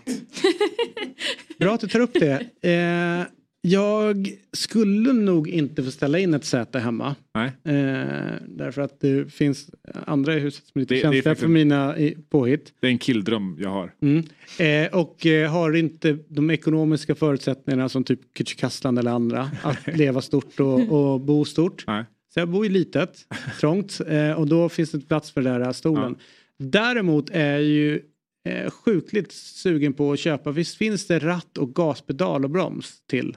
Absolut, absolut. Det är jag sugen på att Ja. fixa. Ja. För då kommer jag bli oslagbar. Ja, ja. Jag kommer ihåg en gång jag lånade det när jag var liksom 10-12 år av min kusin som hade det. Alltså jag gjorde inget annat än att köra. Det är, så- det är så roligt. Nej. Vi ska bara få Fotbollsmorgon flyga lite mer så Ja. kan jag dra mig tillbaka. Ja, och exakt. då vet ni vad jag kommer göra. Jag kommer sitta och spöa mina jävla Ja. bilspel. Du kommer ha ett sånt eget gamingrum där hemma. Som sagt, har inte det, de ytorna. det är det är Du kommer, du kommer köpa dig en större Ja, lägenhet för att kunna ha ett... Nej, då, då måste vi flyga åt helvete det här programmet. Eh, men vad härligt då. Eh, kul. Ja. Spelare. Ja, vecka. Ja, vem som är bäst. 10%. Är det 71, 71? Oj. Ja. Jaha, vad Mhm. konstigt. Se på För tusen. det känns ju som att Tyckosen eh, borde väl ha lite högre. Han kommer ju ändå från en liga som är rankad högre. Jag skulle Gjorde säga inte att... Eh, Vecchia också det? Han kommer vad också sa från? Danmark. Ja, kommer inte han Till från Malmö. Norge? Var det inte Norge han var i? Kan du kolla det? Var det inte han kom från Rosenborg? Du kan ha rätt här. men det här Jag skulle tror säga, att jag har jag, rätt. jag, jag trodde Vecchia skulle ha höga. Men det är också för att vi har lite mer facit. Ja. Eh, fa- jag, jag, hade tänkt att, att Vecchia var högre än Tykosen. Men det är också att nu, vi har ju lite mer facit. Nu Ja. när det gått liksom fler, fler matcher när de satte, satte det här. Ehm, Det märkliga med den här Tykosen är ju att eh, alltså det defensive som han har 69 på är ju eh, så länge han inte behöver markera någon. För det vet han inte hur man gör. Nej, jag tycker från att det heter defensive och inte marking. Då Men att hans skott är på 52 är jättekonstigt. Ja, speciellt med tanke på de målen han har gjort. Ja, och du var ju där i, mot Degerfors. Mm. Han drar iväg ett skott i andra halvlek som går utanför. Men det är ju risk för liv för de som sitter bakom kassen där. Det är ju en jävla smäll. Ja, verkligen. Så att det där ska jag över. Så att, Det var ett hårt sport. så Sen så 70, alltså speed 77. Jag, alltså ni, du har ju sett mer av honom men jag ser inte honom som en eh, Nej, speedkula nej. Nej, nej. 77 är ändå speedkula i nej, allsvenskan. de har ju bara flippat ner på honom. Men å andra sidan, Ja. han är dansk. Man Ja, vet inte. Nej. Eh, han, han har säkert inte svarat på sina eh, frågor ordentligt. Och så här. Men eh, bra skott i alla fall. Men det är lite kul ibland så här, alltså när allsvenska klubbar kör så här, eh, alltså på träning mäter vem som är snabbast. Mm. Eh, och där det ut någon nyhet för någon månad sedan om att vi har en spelare i Blåvitt som är snabbare än Mbappé. Gustav Norlin. Nej, Ja just det. Ny gissning. Santos. Nej.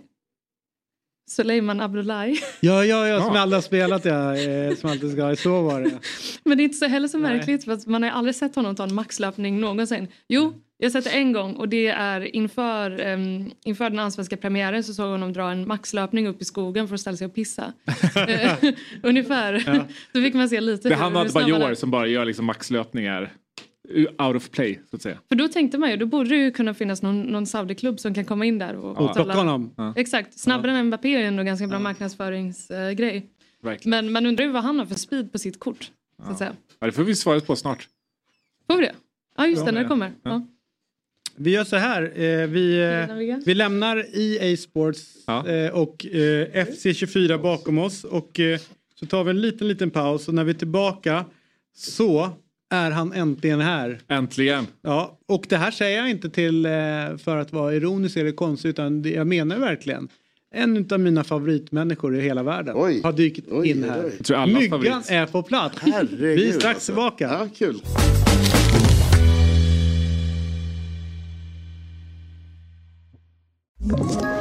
Ett poddtips från Podplay. I fallen jag aldrig glömmer djupdyker Hasse Aro i arbetet bakom några av Sveriges mest uppseendeväckande brottsutredningar.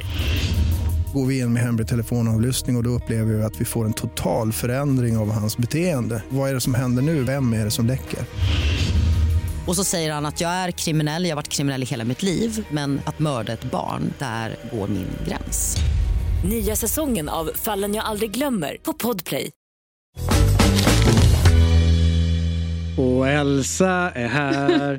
Och Per är här. Och David och Myggan är här. I vårt glada gäng så har vi givetvis Oddset och Svenska Spel här. Wow! Ja. Du har ju sagt att du aldrig ska sjunga. Jo, men det jag. har jag gjort det en gång tidigare. Eh, och nu en gång till. Och det räcker. Det är sån eh, pappaskam runt dig ofta. Ja, men jag gillar att göra bort er. Ja. Eh, Det är du duktig på.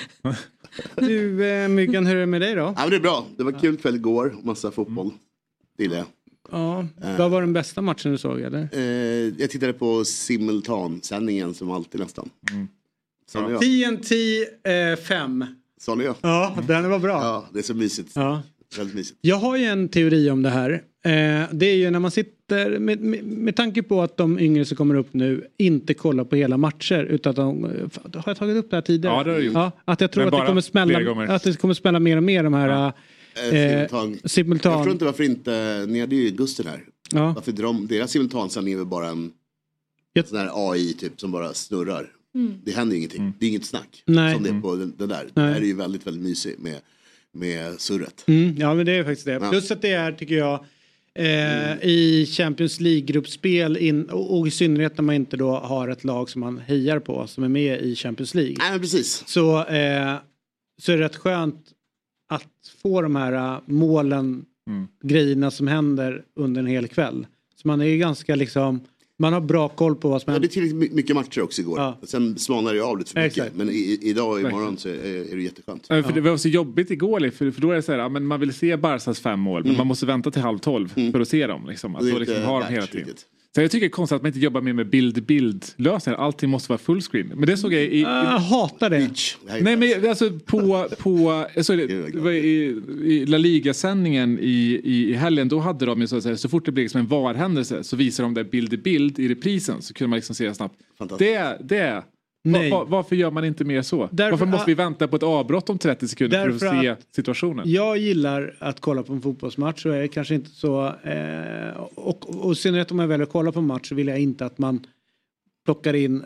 Att jag får en sämre bild för att det någonting- händer någonting på en annan arena. Nej, men det- alltså, det, men det- ja, men, ja, men det är ju rena att, så här, som folk kör eh, picture in picture. Mm. Men sen så är det ju... Eh, nej men vi har bildproducenter. Det är ett yrke. Alltså det sitter en människa och väljer de bästa bilderna. Jag, jag, jag blir helt allergisk mot... Eh, Ja, Okej, jag, jag hör dig och eh, jag förstår att du gillar traditioner. Det har jag förstått. Men, men eh, det är ju, jag pratade med Björn Jonsson i måndags om det. Att jag är intresserad av min effektiva tid jag får se fotboll. För Den blir mindre och mindre. För de visar ju bara Klopp på sidlinjen i 25 sekunder efter varje incident i en Liverpool-match. Då hör jag publiken skrika att, bak, att äh, utspel från Wolverhamptons inte går så bra. Ja, exakt. Och då ska jag titta på Klopp när han står och kastar sin hatt Men det är det jag menar. Det är Allt, ja, konstigt. alltså följ matchen. Håll inte på att klippa in massa annat. Ja, men det kommer de att göra. Ja. Att den, den, den, den måste jag köpa. Då vill jag ha halva bilden. Och så får de hålla på med sina dumheter. Jag Okej. vill inte släppa... Ja, du tänker att det blir picture picture det. Ja, jag vill inte släppa ja, men det är en helt annan grej. Jag är ju i, i grunden emot att man filmar rätt mycket närbilder, går in tight och, och så Mm. under, för jag vill se hela spelet, hela planen. Och framförallt så eh, att de är alerta på matchen. Inte massa jävla grejer om att någon ringer och filmar eller Mm. VAR-grejer eller någonting annat för länge. Utan, Slow motion på målgesterna Ja, fortsätter ju när de har sparkat av bollen. Ja, ja. Ja, exakt. Då ser de, då, så Ja, de ja. hoppar Ja, långsamt. men det är- ja, men det- ja, men det är galet. otroligt. Hemskt. ja. Ja, då vill jag bara ha en overhead-kamera som ligger på Mm. planen. Det är bara det. Jag vill ha, det är som de håller på med, att de vill ha effektiv speltid. Jag vill ha effektiv eh, tv-tid. Det, det som är är ju också, men den är ju min gamla käpphäst, att man ska kunna välja också om man vill ha kommentatorspår eller inte. Om man bara vill ha miljöljud. Jag håller med dig, men jag kan tänka mig att det, det, liksom, det är för mycket. Det är jätteenkelt. Jo, jag håller med, men det kanske finns andra anledningar där. Att de, de ändå promotar så mycket andra grejer nu för tiden. Sånt. Det finns så mycket fördelar där som jag tror att de skulle vilja Ja. behålla, tyvärr. Jag har ju hittat ett ställe där man kan kolla på matcher Man med kollar på bara... Discovery, det är alltid här kanaler, eh, Filip och Fredrik svarar och sånt. Det är sådana reklamer hela tiden. Ja. Ja. Matchen, jag tror inte de skulle vilja ta bort det liksom. Man lägger Men då kan de göra som... eh, Ja, exakt. Och sen de pratar om ikväll är det liksom, Exakt, men då har du ju en eh, bästa- sydafrikansk kanal tror jag som gör det. Supersport. Nej, men det är en annan konstig som är som bara Premier League, eh, alltså ligger under hub, hubben Mm. Premier League. Men de, där kan man välja okommenterade matcher. Du sitter bara och kollar på det. Men de kör ju reklam under matcherna. Eh, alltså det bara dyker upp lite grann. Men då kan det vara liksom om det är för någon bira. Då står det liksom så här. Eh, Ja, men hela då- sidan blir liksom. Nej, nej, de säger det bara så alltså, att det dyker upp. Ah, okay. Is presented, alltså, eh, Premier League is presented by och så ölmärket och sen så är det borta men det går så snabbt. Eller andra budskap som kommer ganska snabbt. Det är det enda man hör. Mm. Sen det är ungefär som att vara på match. Kolla upp på mediakuben, här ser du oddset för nästa målskytt eller vilket. Alltså det är sådana snabba budskap bara. Så att det går att lösa. Mm. Eh, och jag tycker det är rätt mysigt med, det är härligt med publikljud och flödet där. Men du, eh, du ska ju fram med en liten trippel idag va? Mm. Hur tänker du kring den? Eh, nej, men den känns bra. Eh, Jag, har, jag är lite peppad på kvällens matcher. Det är nästan roligare matcher idag än igår. Men det, du, alltså, det är verkligen löst om dig när du kom in här. Så det märks att du är en peppad eh, Ja, människa kanske det. Jag, jag gick väldigt bra på spelen igår. Eh, Lazio-krysset där var ju väldigt eh, bra för mig. På sista sekunden, så kanske därför. Så det, Ja. Härligt lyser om en, en onsdag morgon. Är lördag. Ja, jag tar, tar åt mig. eh, tappar helt spåret här. Ja, det, det, är inte, ofta- det är inte ofta han får beröm för att han, eh, Ja, att han, att han lyser. himla Men sällan man får beröm eh, liksom innan nio på morgonen. Ja. Alltså, det, det, Det har inte hänt när man var bebis. Nej, det, det, det, på födelsedagen Fan vad ungefär. sällan det är någon som berömmer en när man blir vuxen jämfört med när liten, eller hur? Någon sätter på sig dojorna ordentligt. Bra gjort! Ja, det är bara- det där. Fan får ju bra för allt det. Det är bara efter klockan nio på kvällen också. Ja, Så att, som, som du får beröm. Ja, alltså det, man, man får, beröm får man ju när någon är liksom... Eh, Så mycket information. Ja, det var så konstigt. ja, jag kom på, jag kom på det. Ja, Jag det gjorde du. ja, Ja, det. bra. Vi går vidare. Ja, Jag tänkte Ja, inte på det. Nej, vi går vidare. Ja, ja. Vi rullar på. Eh, all right. är, det samma, är det samma komplimang då? Det Ja, det. Elsa, vi ska släppa om det. Vi ska släppa, vi ska släppa Kungen, det. kungen av humble brag. Ja, Vad lyser de? Inte för att skryta men eh, jag går och lägger mig. Tjuvhåna in någonting. Ja, Konstant samma ämne. Ja, men, eh, Bayern München eh, eh, möter ett, eh, ett skakigt United kan vi säga i alla fall. Och... Eh, Ja, det var konstigt. Ja, ja. jättekonstigt faktiskt. Ja. Ja. Jag sagt. Också tänker jag så här. Jag hade förväntat mig. nej, men jag tänker mycket på hur det är att vara ensam kvinna ibland i rum. Det är hemskt. Konstant fokuset. Ja. Ja. Jag har så jäkla empati där. Men jag försökte gå vidare från Ja, det och ja, Elsa ja. drog tillbaka det. Så att jag vet att det är synd Det är så men-. Ja. Man måste liksom Klackarna på ut och dansa Ja, igen.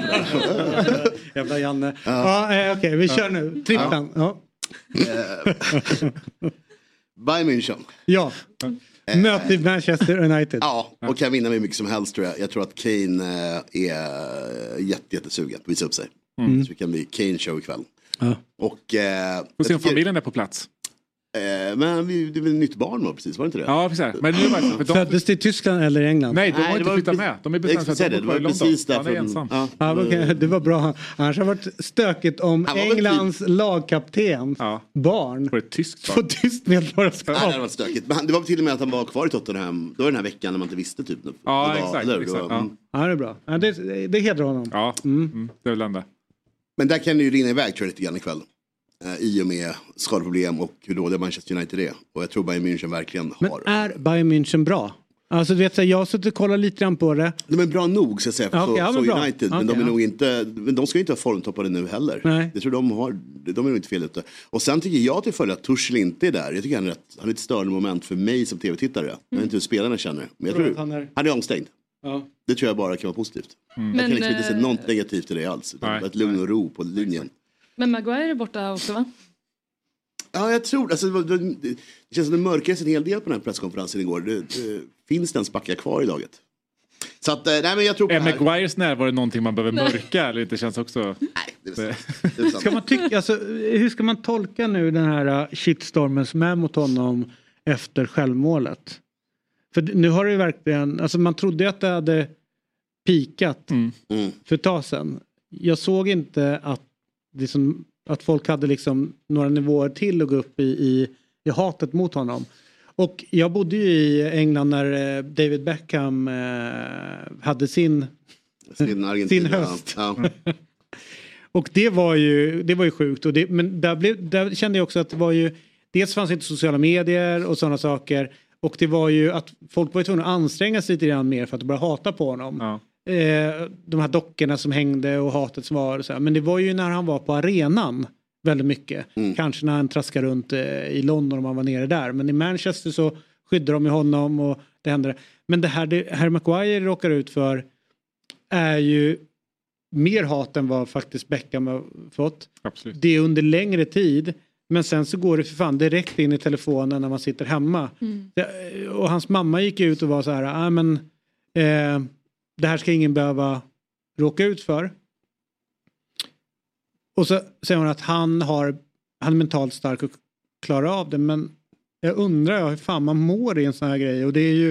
Jag tror inte någon är tillräckligt stark för att liksom klara av den liksom, Nej. skiten som han har fått. Alltså stålpsyket den ställer sig på plan vecka efter vecka. Ja. Alltså, jag förstår inte ens hur han klarar av att spela. Nej, men för mig är det så här, jag hade ju, hade ju så här, men ta bort mig bara från den här skiten. Men jag, jag, jag håller med dig verkligen. Det är ju tråkigt. Men det är konstigt också nu när alla ska på något sätt fördöma det. Det vi alla skrattat åt i, alltså som den här Grekland, alltså dyraste mittbacken. Det, det har ju varit ganska kul med honom rätt länge. Ja. Så det blir också lite Men vändningen har ändå varit, liksom han, han fick ju vara- skit även när han var bra tycker jag. Alltså om man tänker runt 2018. Ja, det är väl där. det. Så då- då Så att det har pågått länge. honom, liksom. Men då tycker jag det var mer att folk inte, då tänkte jag mer att det var okunskap. Folk såg inte att han gjorde jävligt mycket bra grejer. Nej, precis. Men han ser lite rolig ut. Ja, liksom, lite så. Så då är och det så. mer det. Så. Men, men att folk letar fel också. Ja. Jag Ja, tycker med, alltså att man vet att någon är liksom lite... Och, och jag menar sådär, det där kommer väl alltid vara en del, alltså som, som motståndarsupporter eh, till vilket lag som helst så kommer du hitta ja, personer i andra laget att störa dig på och liksom skoja om och det är ju en del av liksom fotbollen att man också kan ha en jargong. Men, men det som blir det är väl när liksom ens egna lagsupportrar också vänder sig emot den och Mm. att det kan nog bli väldigt mycket tuffare kan jag tänka mig. Ja, den och landslaget och allt möjligt. Ja. Så det måste vara hemskt. Men, men i det här tycker jag att han borde gått till West Ham oavsett. Ja. Ja, men det också, men blev det inget fel? Eller var det han som sa nej? Eller blev det inte att de kom överens? Vem eller? vet, för sanningen där. Jag tycker, för det är ju också så här att inte United kanske hade kunnat sköta det lite snyggare. Han var ändå lagkapten och liksom försökte att kanske sälja först innan man tar bort ja, vet, med. det, Mm. det finns många sådana grejer för att skydda honom. Eh, men eh, nu kommer de behöva honom vad det verkar eller? De har väl inga backar kvar Nej, exakt. spela. Nej, men jag tycker det var bra för hans karriär att hamna på den nivån också. Få vara stjärna igen. Alltså, Mm. Det är ju perfekt för honom. Så. Om han hade lämnat det. Ja, men det. Men jag tänker nu i United så kommer han är ju få spela. Ja, men nu är det ju hemsk situation Ja. såklart, jag förstår. Men han kommer spela ikväll tror du? Ja, om man, om man, inte, om man är eh, frisk. Alltså det finns ju inte mer. Annars är det ju eh, ytterbackarna ska in annars ju. Ja. Nu börjar det bli tunt. Ja.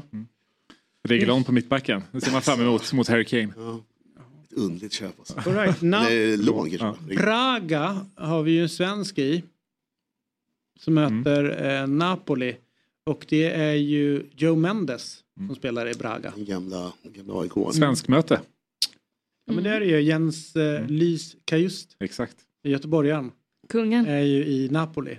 Och här tror du att Napoli vinner eh, på bortaplan. Napoli har gått ner i odds, de var ännu högre förut. Och jag tror att det är någon som har räknat lite fel. Eh, De har en dålig säsongstart Napoli, men Braga är ju, det är ju Europa League slash Conference League-lag. Mm. Och jag tror att Napoli verkligen är så streetsmart att de vinner borta mot Braga. De tre poängen är guld liksom.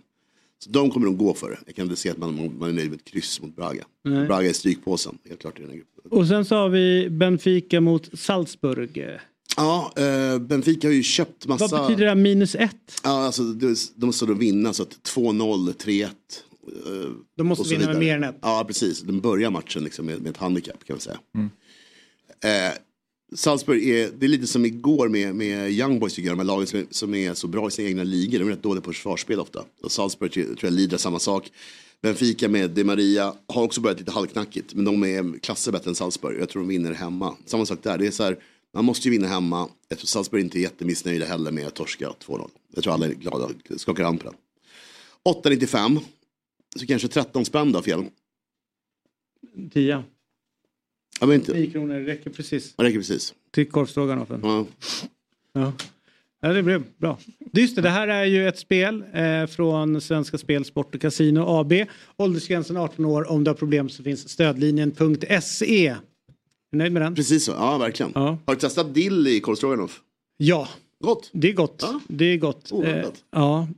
grejen är det att viltskaven var inte speciellt bra som jag mindes den. De, de har börjat med den igen. Ah. Det, det är pissigt kött. Det är vilt, eh, alltså, det är därför man är så tunt. Eller? Det, Ja. det, det, det är Ja. detalj. Liksom. Ja, Är det bara en blandning av olika viltkött? Eller ja något? jag tror att de gör det.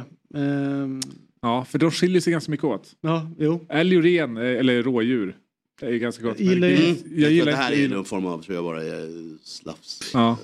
Att ställa påkörda djur. med liksom. alltid en Ja. barn liksom. Ja, till exakt. grävling Ja, och... exakt. Ja. Ja. Eh, med någon jävla vildsvin med afrikansk eh, Ja. Svinpest. svinpest. Ja. Så att det, nu mår man bra. Fått lite Afrika i sig. det händer helt sjuka saker i målvakts, målvaktsvärlden där ute. Först ut eh, så har vi ju eh, AIKs målvakt som blev ganska svårt skadad i måndags. Ja, bara otäckt. Mm. Men han är okej nu. Han, eh, ja, han, är- jag tror att han är okej, men han var tvungen att linda benet. Eh, såg ju dramatiskt ut. Läkare inne på planen. Spelare i chock. Går ner och pratar med domaren, eller med tränaren. Undrar hur de ska göra nu om, om målvakten måste kliva av. Eh, och eh, den andra stora grejen är ju, och det, nu vill jag inte hänga Nordfeldt utan han var ju skadad. Ja. Eh, den andra... Det var roligt på presskonferensen sen när både, eh, när både eh, Henning Berg och eh, Tobias Solberg får frågor om det här efteråt. Ja, Eh, och behöver liksom hålla uppe fasaden av att nej, han hade nog en liten känning. ja, ja. Och båda behöver göra det och båda sitter ju i princip och skrattar när Mm. de får frågan för att alla vet ju. Men ingen kan se det rakt ut. Exakt. Som Daniel Stensson gjorde. Nej, men den andra stora grejen i målvaktsvärlden, kanske i hela fotbollsvärlden, är att två målvakter nyligen har blivit poängräddare och målgörare. Östers slips eh, Prekovic nickade in 2-2 i 96 minuten i toppmötet mot eh, Västerås. Förstörde min trippel. Ja, de gjorde verkligen det. Och igår nickades Lazios målvakt Provedel in 1-1 i 95 minuten eh, i deras Champions League-match. Vi har med oss eh, den enda människan man kan prata med eh, när det gäller målvaktsfrågor. Är ju en gammal målvakt själv, numera målvaktstränare och driver även en podd om målvakter som heter The Keeper som jag är lyssnare till. Eh, välkommen till Fotbollsmorgon John Alvbåge. Eh, hur är läget? Jo, god morgon. Det är bara bra här. Eh, tack för den eh, presentationen här. Mm.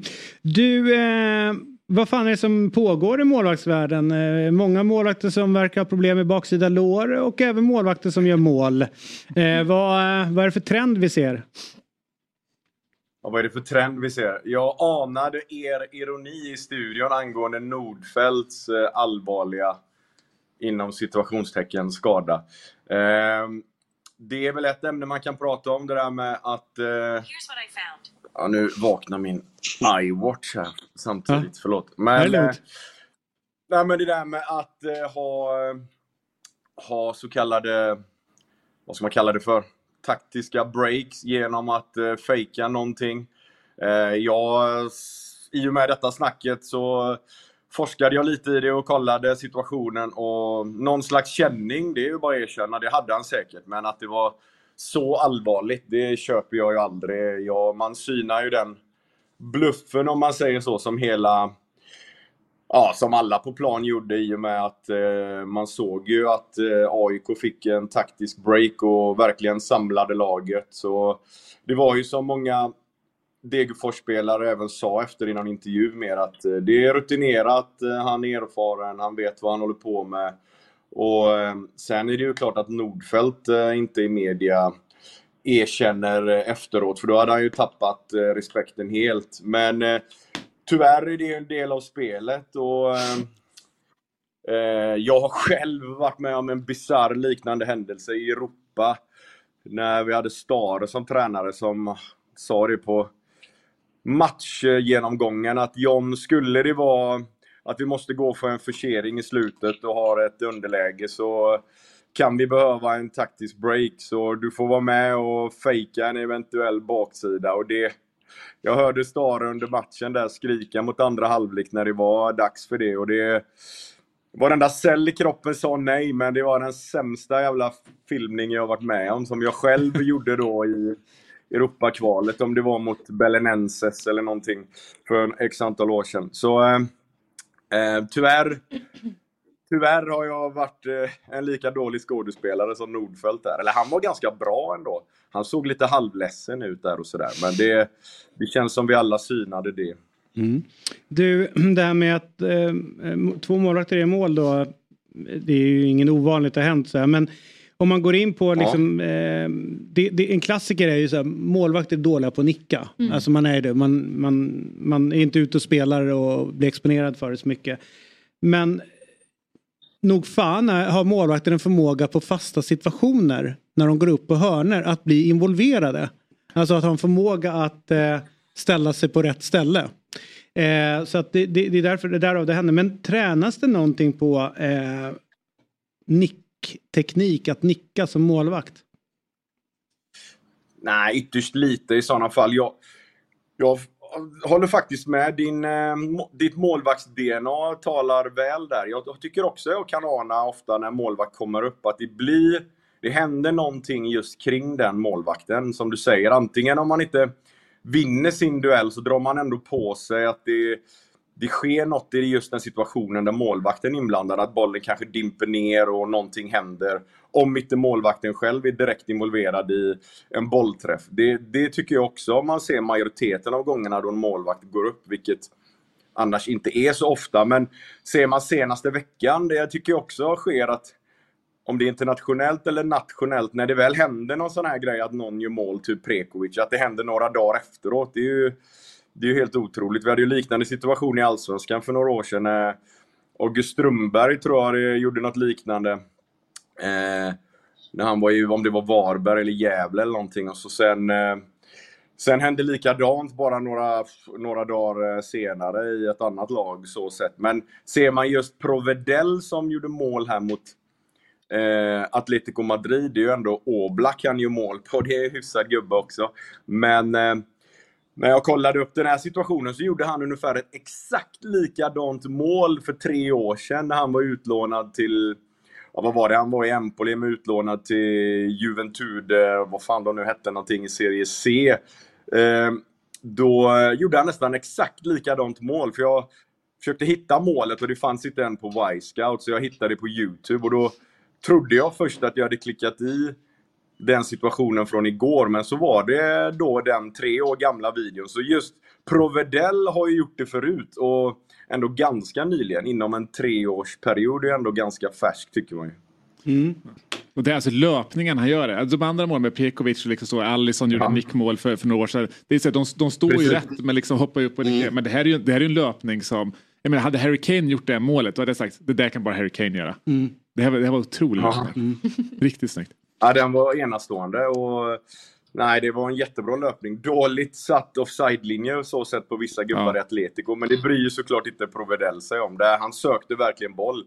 Och, men om ni har möjlighet att youtuba lite så kommer ni se att det är inte helt olikt mål han gjorde för tre år sedan faktiskt. Så, eh, Sen är det ju en underbar målvaktstyp, eh, vi som älskar härliga målvakter. Just eh, Provedel som, han är lite underskattad, kommit under radarn de senaste åren. Lite som eh, eh, Vicario där som nu hamnat i Tottenham och så vidare. De, de har en rätt intressant, eh, alltså det, de är inte purunga men de har ändå slått ganska sent på högsta nivå och det, ja, de har en skön eh, kvartett eller trio här nu i italienska landslaget måste jag säga med Provedel och Vicario och Donnarumma och så vidare. Så eh, ja, kul, kul att följa deras målvakter, absolut. Ja, härligt då. Eh, det står att det står och snurrar lite grann om Rosenborg 8 oktober klockan 17. Är det, är det någon match ni ska åka på gemensamt från klubben? Eh, Det står på tvn bakom dig där vet du. Nu har de byggt en Ja, paddelturnering. Ja. Ja, precis. Ja, paddelturnering efter World Cup på fredag. De håller på lite så här, våran marknadssida. Men ja, det är väl nästa hemmamatch i Rosenborg. Nu, har vi ju, nu ska vi till fina Hamar till helgen och möta ni vet Mikkelsen, gamla Hammarby-tränaren är ju där nu. Och eh, Marcus Sandberg med svenska eh, kopplingar också, gamle Blåvitt, min gamle Blåvitt-kollega eh, där. De har vi till helgen. En riktigt tuff match då de har en tydlig identitet av att parkera bussen och bara slå långt. Men jag kan gilla det när man ändå har en tydlig identitet som de har, att man står för något. Hellre det än att vara en tränare som knappt står för någonting. Så eh, det kommer bli, det är nästa uppdrag för oss då. Du, hur går det för Billborn då? Är han uppskattad?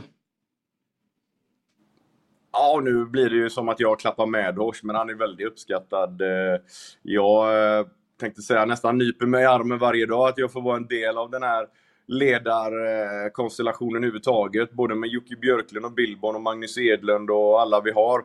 För det, äh, han är otroligt duktig och där har vi ju någon som har en identitet om någon.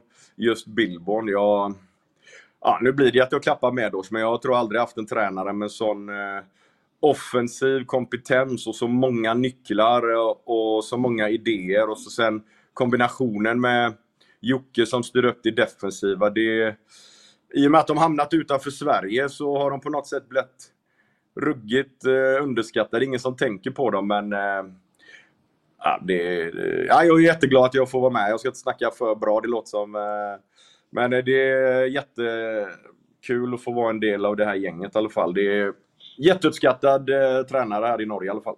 Du, jag har en grej eh, och det är ju eh, högst eh, eh, egoistiskt att jag ställer frågan. Eh, vi har ju i laget som jag hejar på en norsk tränare som heter Henning Berg.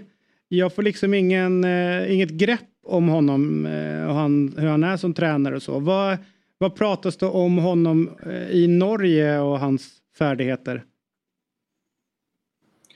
Det är väl just att in, på, inom norska gränsen så har han ju inte gjort någonting som tränare ungefär, utan det har ju varit utomlands. Han var ju min gamla cypriotiska klubb och gjorde det väldigt bra under en period, men där var han väl typ tre säsonger eller någonting, eller tre, två år. Och det är ju fyra till sex transferfönster eller någonting, och det är ju en evighet om du lyckas vara så länge i en cypriotisk lag som eh, utländsk tränare. Så där gjorde han ju det bra, men eh, annars så eh, ja, är han väl lite oprövad som tränare egentligen. Eh, men som spelare vet vi alla hur stor och duktig, eh, vilka meriter han har och så vidare. Men känslan är lite, inte för att jag har följt AIK till punkt och pricka, så håller jag ändå med din spaning att det är ändå svårt att tyda vad identiteten är.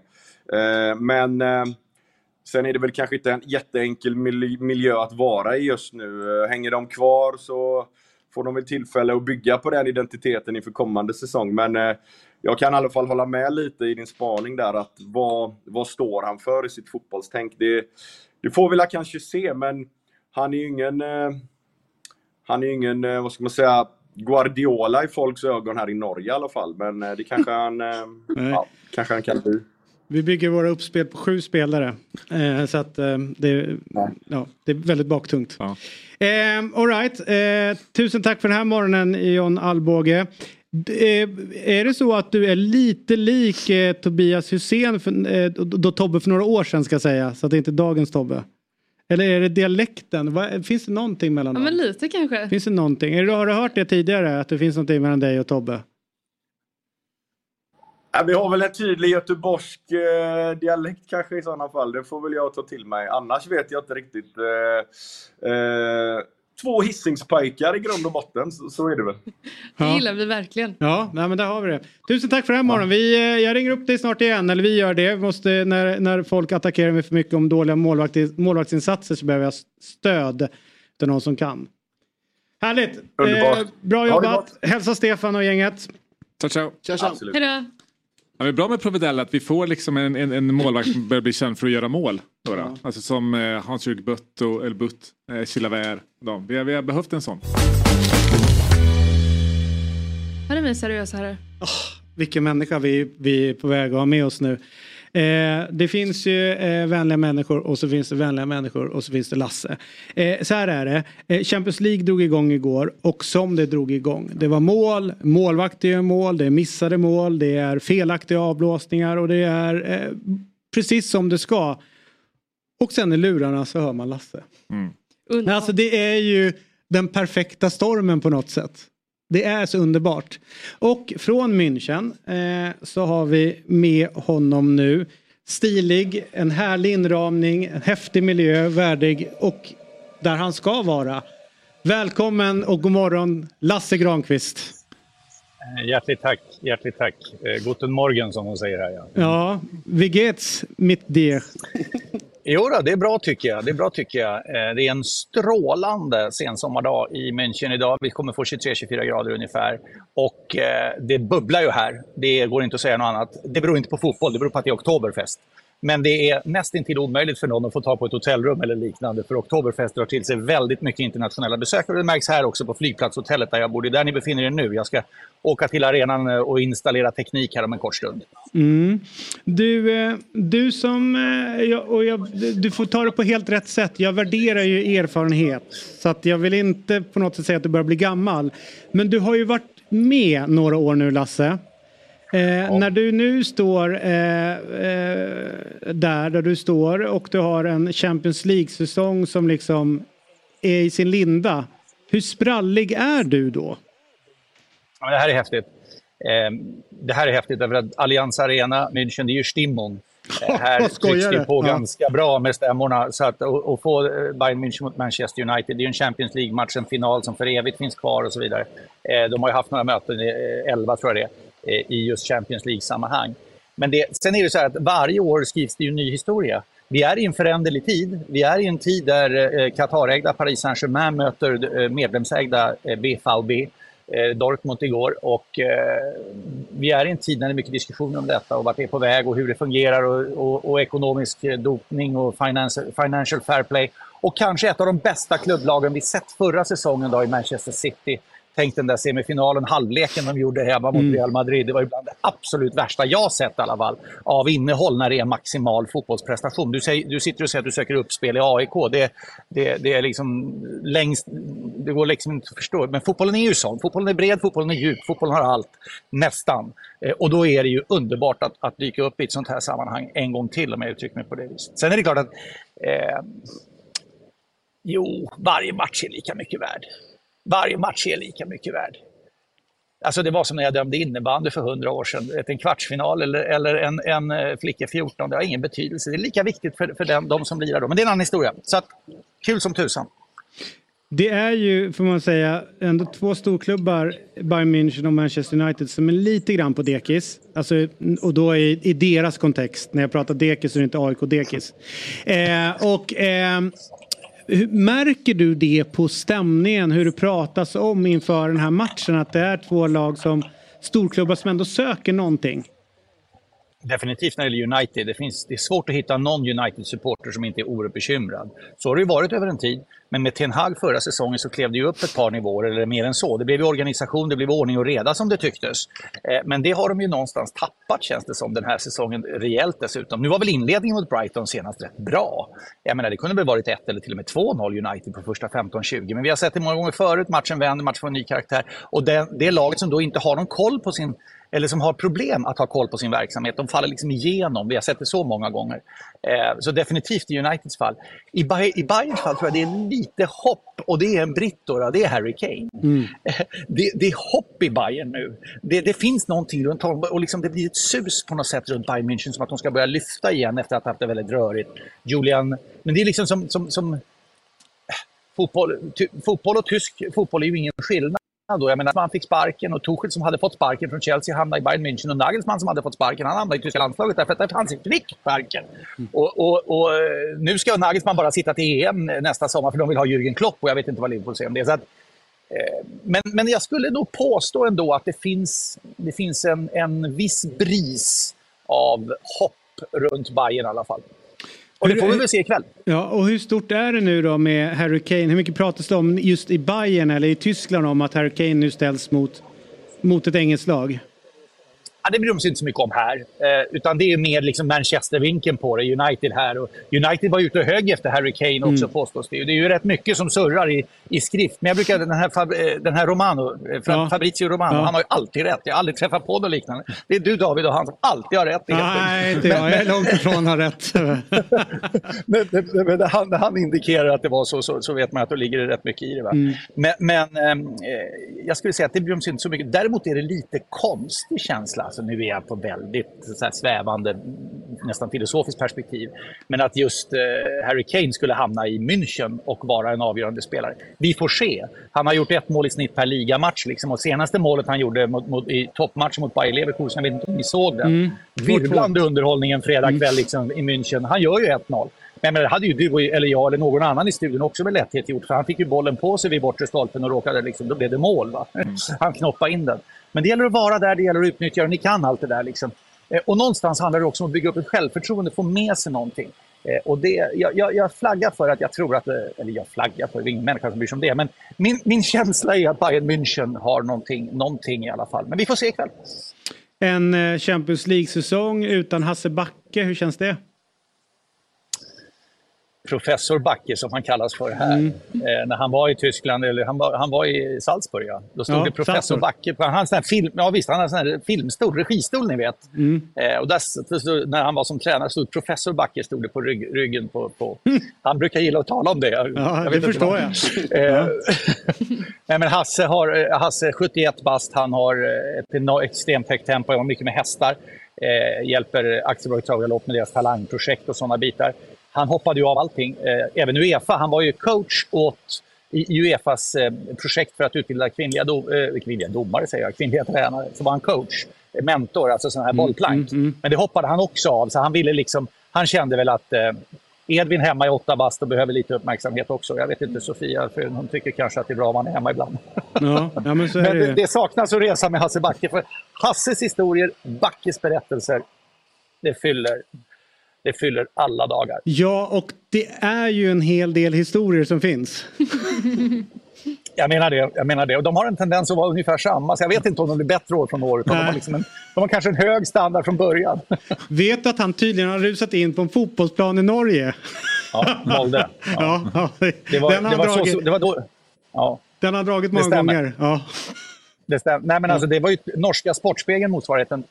Om du backar 30 år så var det 35-40 så var det ju så att det var ju bara Sportspegeln som gällde. Även i Norge. Söndagkvällar, liksom vignett och så. Då började vignetten med att Hasse Backe stod som tränare i Molde på straffpunkten och tog upp bollen. Mm, de hade den, den, en felaktigt tilldömd straffspark var det. Eh, och det, det råkade han eh, ut för flera gånger faktiskt. Bland annat han berättade han för mig att han hade råkat ut för en punktering och tappat hjulet när han var ute och körde bil i Norge. Och då kom en bärgningsbil till slut eh, och stannade. Det var inte, det var inte för honom de var där, men de stannade för att vi känner igen dig. Det var du som skämde ut hela Molde, sa de. Eh, och då var han i närheten av Molde när han passerade. Det har hänt mycket. Ja, härligt liv. Eh, tusen tack för att du var med den här morgonen. Vi ska lyssna på dig ikväll. Eh, när du jobbar. Ett tips bara. Vinnaren av Champions League kan mycket väl vara Paris Saint-Germain. Kom ihåg var ni hörde det först. Ja, spännande. Vi ska hålla dig emot dig när de åker ur i kvarten. Gärna, det är Ja. så mycket annat som kommer svävande under en vanlig dag, så det är ingen fara. Ha det bra på er, tack ska ni ha. Tusen tack. Hej då. Ciao. Hej då. Spännande också att det är svensk domare ikväll ju. I, Ja, eh, ja. Och Mm. hur är det, ja, och hur Det är det möjligt när vi inte kan få ut svenska domare i Champions League? För vi har ju inte VAR. Nej, verkligen. Så då, jag tror att de måste ha satt fel. De måste Ja. skriva upp fel domare. Nej, det är sista gången. Eller hur? Ah, har du inte VAR, då får du inte döma någon mer. Hem med dig, skäms! Skäms! Ehm, mina skämt om VAR landar inte lika bra hos dig. Nej, vet nej, att du jag är. Men jag skrattar med, Ja, jag vet. Det är därför jag gillar dig. Ja. Ja. Tyckte du gick lite över gränsen. Du, ja, jag, jag brukar ju göra det. Hela världen, höll jag på att säga, minus jag och Myggan, har ju blivit förälskade i Spurs nya tränare, Anche Posteskoglu. Postekoglu. Ange, eller Ange om du vill vara australisk. Ja, Ange Postekoglu. Var det där? Ah, Okej, vi går vidare. Ja. Det låter som att du ska spy. ja, men det är hela Tottenham. Okej, inför Sheffield United svarar han på eh, eh, eh, frågor om Richarlison, alltså den brasilianska forwarden som Tottenham har i sitt eh, lag. Gick ut och berättade i samband med eh, landslagsuppehållet att han har mått psykiskt dåligt eh, och att han nu har sökt hjälp runt det hela och hoppas att han ska må bättre. Och det svarade då eh, Angie Det är ni hela tiden. Eh, och eh, sen så började han prata om liksom mental hälsa inom fotbollen i stort. Jag tyckte det var väldigt intressant. Eh, så vi ska ta och lyssna på det. Ni kan sätta i, i hörlurarna och lyssna på Angie their life doesn't have something that's stressful. I mean, I've, I've lived 58 years now, and there's never been a time in my life where everything is perfect. You know, I lost my father three years ago, and he should have been here for the journey. So I've got to deal with that. Everyone, and that's just me talking personally, but everybody, everybody in this room at this moment, you could be one part of your life could be flying, and but there'll be something. It Could be a family member, could be a health issue, could be a financial issue. There's always something, and, and footballers are not immune from that. And sometimes I think they fall into the trap of thinking they are, and they're not, because just because you have, you know, money or, or, or you're really good at something, um, life will still find a way to keep a balance in that. There'll be stuff in there that that's going to be stressful, it's going to be upsetting, and, and you've got to just deal with that, you know. But do you think enough people in the game understand that as well as you seem to? I don't think anyone doesn't understand. I think, it's- like I said, I just think we choose to ignore it. We just at times think, well, he's a footballer, he's got money, what's he got to complain about? You know? Ja, eh, och just det sista han säger att det, det är ganska ofta jag hör argumentet när, när en fotbollsspelare blir hårt ansatt eller när pressen är hård. Ta tillbaka till Harry Maguire. Så hör man ganska ofta så här, fast han är fotbollsspelare, han tjänar så mycket pengar, han får ta det lite grann. Eh, att det är så lätt där att man eh, sitter och, och kritiserar. Så det, det är ju lätt att glömma bort att det är människor som vi pratar om och skriver om och Verkligen, verkligen. Speciellt som i Richardsons fall där den psykiska ohälsan bygger just på pengarna som folk har försökt liksom sko sig på. Mm. Liksom. Eh, nej men han är, Postecoglou är ju, alltså jag är ju så här, är part, är lite partisk här. Jag älskar ju honom. För, för att det är Tottenham Sport. Men jag, men jag hoppas att han är lika likeable hos andra också. För att han är någonting som vi liksom inte har sett så mycket av. Alltså han är genuin. Och han är, eh, vi var inne lite på så ant- anti-intellektualismen i, i fotbollen tidigare. Han är på något sätt eh, men motsatsen till det. Och han, det så, Hur, hur menar du då? Att han... Nej, men att han, han, är, han är smart. Jo, Han är men hur, hur, hur, hur får du fram, hur märker du det på honom? Nej, men han, så fort han pratar egentligen så känns det alltså, han, alla han sätter alla ord rätt. Liksom, vet, när, när han kom från Celtic, det var det Celtic-supportrar sa, att säga, under hans två år, han har aldrig sagt ett ord fel. Eh, och nu förstår jag, för det var dels det här, men sen så också efter matchen senast när han fick frågan så här, ja men är det inte dags för Tottenham-supportrarna att lugna ner sig lite nu? Liksom. Han bara, nej, alltså, det är nu de ska njuta, det är det fotboll handlar om.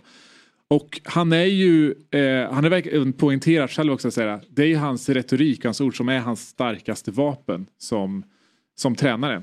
Vilket många inte tänker på. Och jag, det, det är så, när jag tänker på en bra ledare, det är det jag vill se. Jag vill se liksom retoriken, jag vill se det, det är någon som liksom kan saker, inte bara det vi jobbar med utan allt livet i övrigt. Lite mer än vad jag kan. Eller i alla fall är påläst och tankar om det. Och han, många brukar hålla honom emot honom, liksom, hans ålder, att han är, så här, ja, men är han en bluff, varför, är han liksom, varför breakar han när han är 58? Men det är också det som är till hans, till hans fördel här, för han första halvan av hans karriär, han harvar ju runt i, i australiensiska liksom, utvecklingslandslag, eh, hjälpte lite polare i, i, i grekiska liksom, andra och tredje ligan där. Sen så 2000, alltså när han var ja, över 40, alltså 42-43, så fick han ju jobb på ehm, som tv-expert. Alltså han blev Australiens eh, Axén. Och i den rollen blev han ju så omtyckt att han sen liksom fick... Kunde få jobb. Precis. Men det var ju där han liksom lärde sig ja, men det, eh, det retoriska. Och han är ju, när man hör andra liksom, spelare som honom prata om dem, jag menar det, det finns ett väldigt viralt klipp från eh, australiska, australiska landslaget från Confederations Cup. När han, liksom, hans hans eh, ja, pre-team talk. Och när, när de här, han spelar, han haft, nu får du jämföra honom med andra tränare, de säger inte liksom pepp, som hans taktik är en karbonkopia på eller liknande, de säger inte klopp. De säger um, Al Pacino i any, any given Sunday. Det är liksom honom man jämför honom med. Och många spelare säger, också att säga, men, jag tror det var Cahill som sa att jag skriver ner alla hans liksom, så pre-game-tal. För att jag, liksom, jag ville komma ihåg dem. Och jag vet hur viktigt, en grej som säger väldigt mycket om hur viktigt han värderar retoriken är när, när han kom till Japan där det är såklart lite svårare att kommunicera eh, för honom. Eh, så gick det ganska knackigt i början, första säsongen, fick inte riktigt till det. Sen så, så det han gjorde då när han hade varit där ett år, det var inte liksom att rensa ut truppen på att värva nya spelare. Sparka översättaren, ska in en ny, vann ligan direkt. Eh, och han är ju, man kanske tror att han är en sån, sån spelare som är ja, ger väldigt mycket tid åt spelarna. Men, men se att Haksabanovic var här, och, eller vi hade med Mm. honom på länk och pratade om honom, så att han är ju inte en han, han lägger ju ingen tid. Vi pratar med spelarna. Men ändå så har han en förmåga att prata direkt till människor Mm. i sina tal inför. Eh, och han har ju en förmåga av, av storytelling som väldigt få har. Men framförallt så vet han hur man får saker att lyssna. För det, det som är liksom den retoriska nyckeln när du pratar till folk, det är att folk ska tänka varför är det här relevant för mig? Mm. Varför ska jag lyssna på det här? Och han använder ju hela tiden sitt egna liv för att göra just den kopplingen, varför det är relevant. Och då är det en fördel att ha levt 58 år i ett vanligt liv jämfört med någon som är en 35-årig iPad-tränare Mm. som inte har gjort någonting annat än det här. Eh, och jag... Eh, Tror att, tror att hans, eh, hans karriär, hans framgång och hans uppskattning som han får eh, kommer göra att vi kanske kan börja få fram andra typer av fotbollstränare också. Att man kan se att visst, du har spelat fotboll, Mm. men kolla på den där killen. Det är andra värden som är viktigare när man är på den här nivån. Mm. Därför att eh, det är ingen som säger till honom så här, "Ah, men han kan ingenting, han har inte spelat på tillräckligt hög nivå. Nej. För att han kommer in och har liksom verktygen som en bra ledare. Att man liksom börjar värdera det ännu mer. Eh, I Ja. relation till liksom, den fotbollskompetensen. För att, jag menar, vem fan ska lära Messi spela fotboll? Alltså ingen tränare kan göra det. Men det är ju annat man behöver hantera. Nej precis, jag hoppas det. För att säga, det, det finns ju ingenting du kan säga en timme innan match som har någon skillnad på matchen. Utan det är bara liksom, att bygga motivationer. Och många spelare har sagt att när han håller talen, han brukar ha dem vid lunch och matchen är på kvällen. Alltså de sätter in tvåfotare på liksom kocken på vägen ut. Liksom, För att de är, så, de är så taggade. Sen så har han, han har ju fördelar med språket också. Eh, det har ganska många i tränare i Premier League. Eh, kommer ju inte från engelskspråkiga länder. Och det, det är ju faktiskt en, det som jag tycker är ganska konstigt att man inte har prioriterat mer. Vet jag, när, när Tottenham har haft eh, vid flera tillfällen tränare som har liksom, haft, behövt ha tolkar. Liksom. Det måste vara väldigt svårt att engagera för att säga, ledarskap handlar inte om, för mig, att säga shit den här killen är svinbra på taktik. Nej. Utan det är att säga, jag ska vara villig att dö för den här personen. Hade inte Bielsa, han var ju där sjukt många år i Leeds. Men varje intervju så hade han sin jävla tolk med sig. Men, men du har varit här hur länge som helst. Du ska ju liksom, kommunikation är viktigt. Det är skön snuttefilt också att ha. Ja. Man kan komma undan med en hel del. Liksom. Ja just det, jag förstår inte vad de säger. Det blir så att gömma sig bakom Ja. ja. typ av frågor. Att så här, men det måste gå igenom översättaren först innan man tänker. Mm. Ja. Ja. Pochettino hade ju eh, tolk första tiden i Spurs också. Um, Pochettino, just det, ja. Mm. Mm, ja. Du känner till Pochettino? Ja, tyvärr gör jag det. Eh, men eh, ja, exakt. Så det är ju spännande. Ja. Men jag har också funderat på det här, för en del tränare som man hör Ja, men, ja, Chelsea har ju avverkat alla tränare som finns Mm. genom åren. Så man har ju blivit exponerad för rätt många dialekter. Och en del så blir man så här, ja, jag förstår att det går åt helvete just nu. För att jag fattar inte vad du säger. Mm. Nej. Och jag har suttit och spelat om det här klippet om och om igen. Det är bara ett införklipp. Jag vet vilka Så människor du pratar om. Jag vet vilken match du pratar om. Men jag fattar fan ingenting av vad du vill till den här matchen. Och det är för att han inte kan språket. exa- exakt. Men som Arteta nu efter matchen här, när jag fick fråga om, om Raya. Varför har du, liksom, är Raya det nya nummer ett? Han bara, vadå nummer ett? Vilket nummer är Fabio Vera? Och så går han på en lång liksom, Ja. harang där man, man förstår ingenting. Och jag förstår vad han menar, men varför säger du inte vad du menar? Och det är verkligen så att säga, det är retorik värderas, och det har det inte gjort i svenska landslaget heller. Eh, det, det, det är därför vi nu börjar prata om, alltså nu när vi pratar om nästa landslagstränare, det är nästan den viktigaste aspekten som folk lyfter nu. Det är det mediala och liksom retoriken. Det har det inte varit förut. Så Nej. förhoppningsvis. Och jag tycker att det är en felaktig så, utan det ska vara en bra tränare. Men jag började tänka på, hörde ni vad han var, vad lyrisk han var över Billborn och Jocke Björklund? Ja. Och vad de gör i Norge. Alltså vet, så här, lite under radarn. Mm. Det är kanske så man ska börja fundera på nästa förbundskapten. Ja. Alltså, Du, du tror att det är att Stefan Billborn per se är det, men alltså, Nej. det var ju så, alltså när Tommy Svensson dök upp en gång i tiden, det är tusen år sedan. Ja, det, vi hämtade honom från Tromsö som ingen liksom Mm. trodde vi skulle ta där och då. Eller när Olle Nordin fick, fick sitt eh, en gång i tiden. Eh, Tommy Söderberg fanns ju i liksom en u kontext Mm. redan innan. Så då, och då började vi prata om att vi ska bygga, eh, vi, vi liksom får in nästa A-landslags förbundskapten på U21 och sen så blir det, det liksom att de bara switchar för att då har man jobbat med dem som komma skall upp till. Just det. fanns ju den tanken e- ett tag också. Mm. Och sen Lagerbäck fick det ju bara för att han fanns till hands. Eh, och Roland Andersson fick ju för att han fanns. Så det blev ju Ja, han exakt. kanske assisterande där. Hamrén också, det var ju också så här att nu ska vi spela någonting nytt men då var det fotbollsfokus på det. Ja, han gillar Sen också att var hålla det med, Ja, men sen var det med Janne, men då var det ju tillbaka till fotbollsmässiga. Mm, Att vi mm. ville tillbaka till Mm. en mer... Så att det, ver- det verkar svänga lite grann fram och tillbaka Så vad vi vill med, Ja. med, med landslagsfotbollen. Ja, exakt. Nej, men det är intressant det där med mer så här, plocka utanför. Alltså, så här, för nu, alltså, jag menar, han kommer ifrån, alltså, egentligen, folk säger att han kommer från ingenting, men jag menar, vi, vi är väldigt så här, Europacentrerade i fotbollen. Mm. Eh, jag menar, det han gjorde med australiensiska landslaget är ju jättebra. Vilka år var han där nu igen? Han var fram till, han var över VM 2018. Så, och så var, ja, vad var han där, fyra år? Ja. Tre, tre år.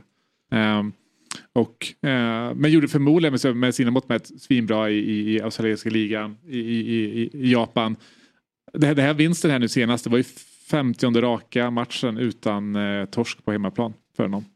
Eh, och jag menar, ja, då ser man, ja, det har varit två säsonger i Celtic men jag menar Pep har ju inte samma record med City. Så det, eh, man, man, Vadå 15? Alltså, 50 raka hemmamatcher utan torsk för Arns. okej. Det är som den där Nora-intervjun. Ja. Du bör... Mm. ja. Ja. Ja, exakt. Tänka för att tänka. Nio poäng på nio matcher. Vill du, hö- vill du höra den här sjuka då? Vet du hur många matcher Chelsea har vunnit under 2023? Vet du vad de vunnit på Stamford Bridge? Säg. De slog Leeds i mars och så vann de väl mot Luton va? Ja. Mm, två förut. That's it. Jag På hela I 2023. Premier League då, jag tror Ja. ja. kanske vann Ja, men i- sen- i Champions League ja. i mars där i slutet. Men jag, jag tittar på det där stats rätt mycket för att det är Stamford Bridge-grejen är konstig i Premier League att inte vinner mer. Kan liksom, Och det var ju en borg under rätt många år. Man Mm. liksom, här blir det ju aldrig förlust. Nu är det ju... eh, Inför den där Nottingham-matchen så kände jag att liksom, det, det är faktiskt typ av 15 spelade matcher har ni vunnit eh, en. två. Ja, så att det är egentligen bara att ge bort poäng. Skit i spela matchen, kom hit. Men jag såg ett, utslag på de senaste 38 matcherna för Chelsea. Så har man ju eh, samlat ihop, eh, inte, inte tillräckligt många poäng för att hänga kvar. Nej. Eh, så det är ju, eh, det är inte bara liksom eh, nu senast, inte bara 2023, Nej, nej, utan nej, det är verkligen en hel säsong. ja, ja. Tänk vilket otroligt år det skulle vara om både AIK och Chelsea åker ur Sverige. Stackars David. Alltså vilket... Du måste ju tatuera in två lax 23-24 på bröstet om det händer. Ja, när jag träffade David på matchen i måndag så såg jag ju, alltså jag tycker ju, David är en person jag tycker mycket om, en, en sympatisk man liksom, som kanske inte har så rätt fotbollssympatier men i övrigt liksom.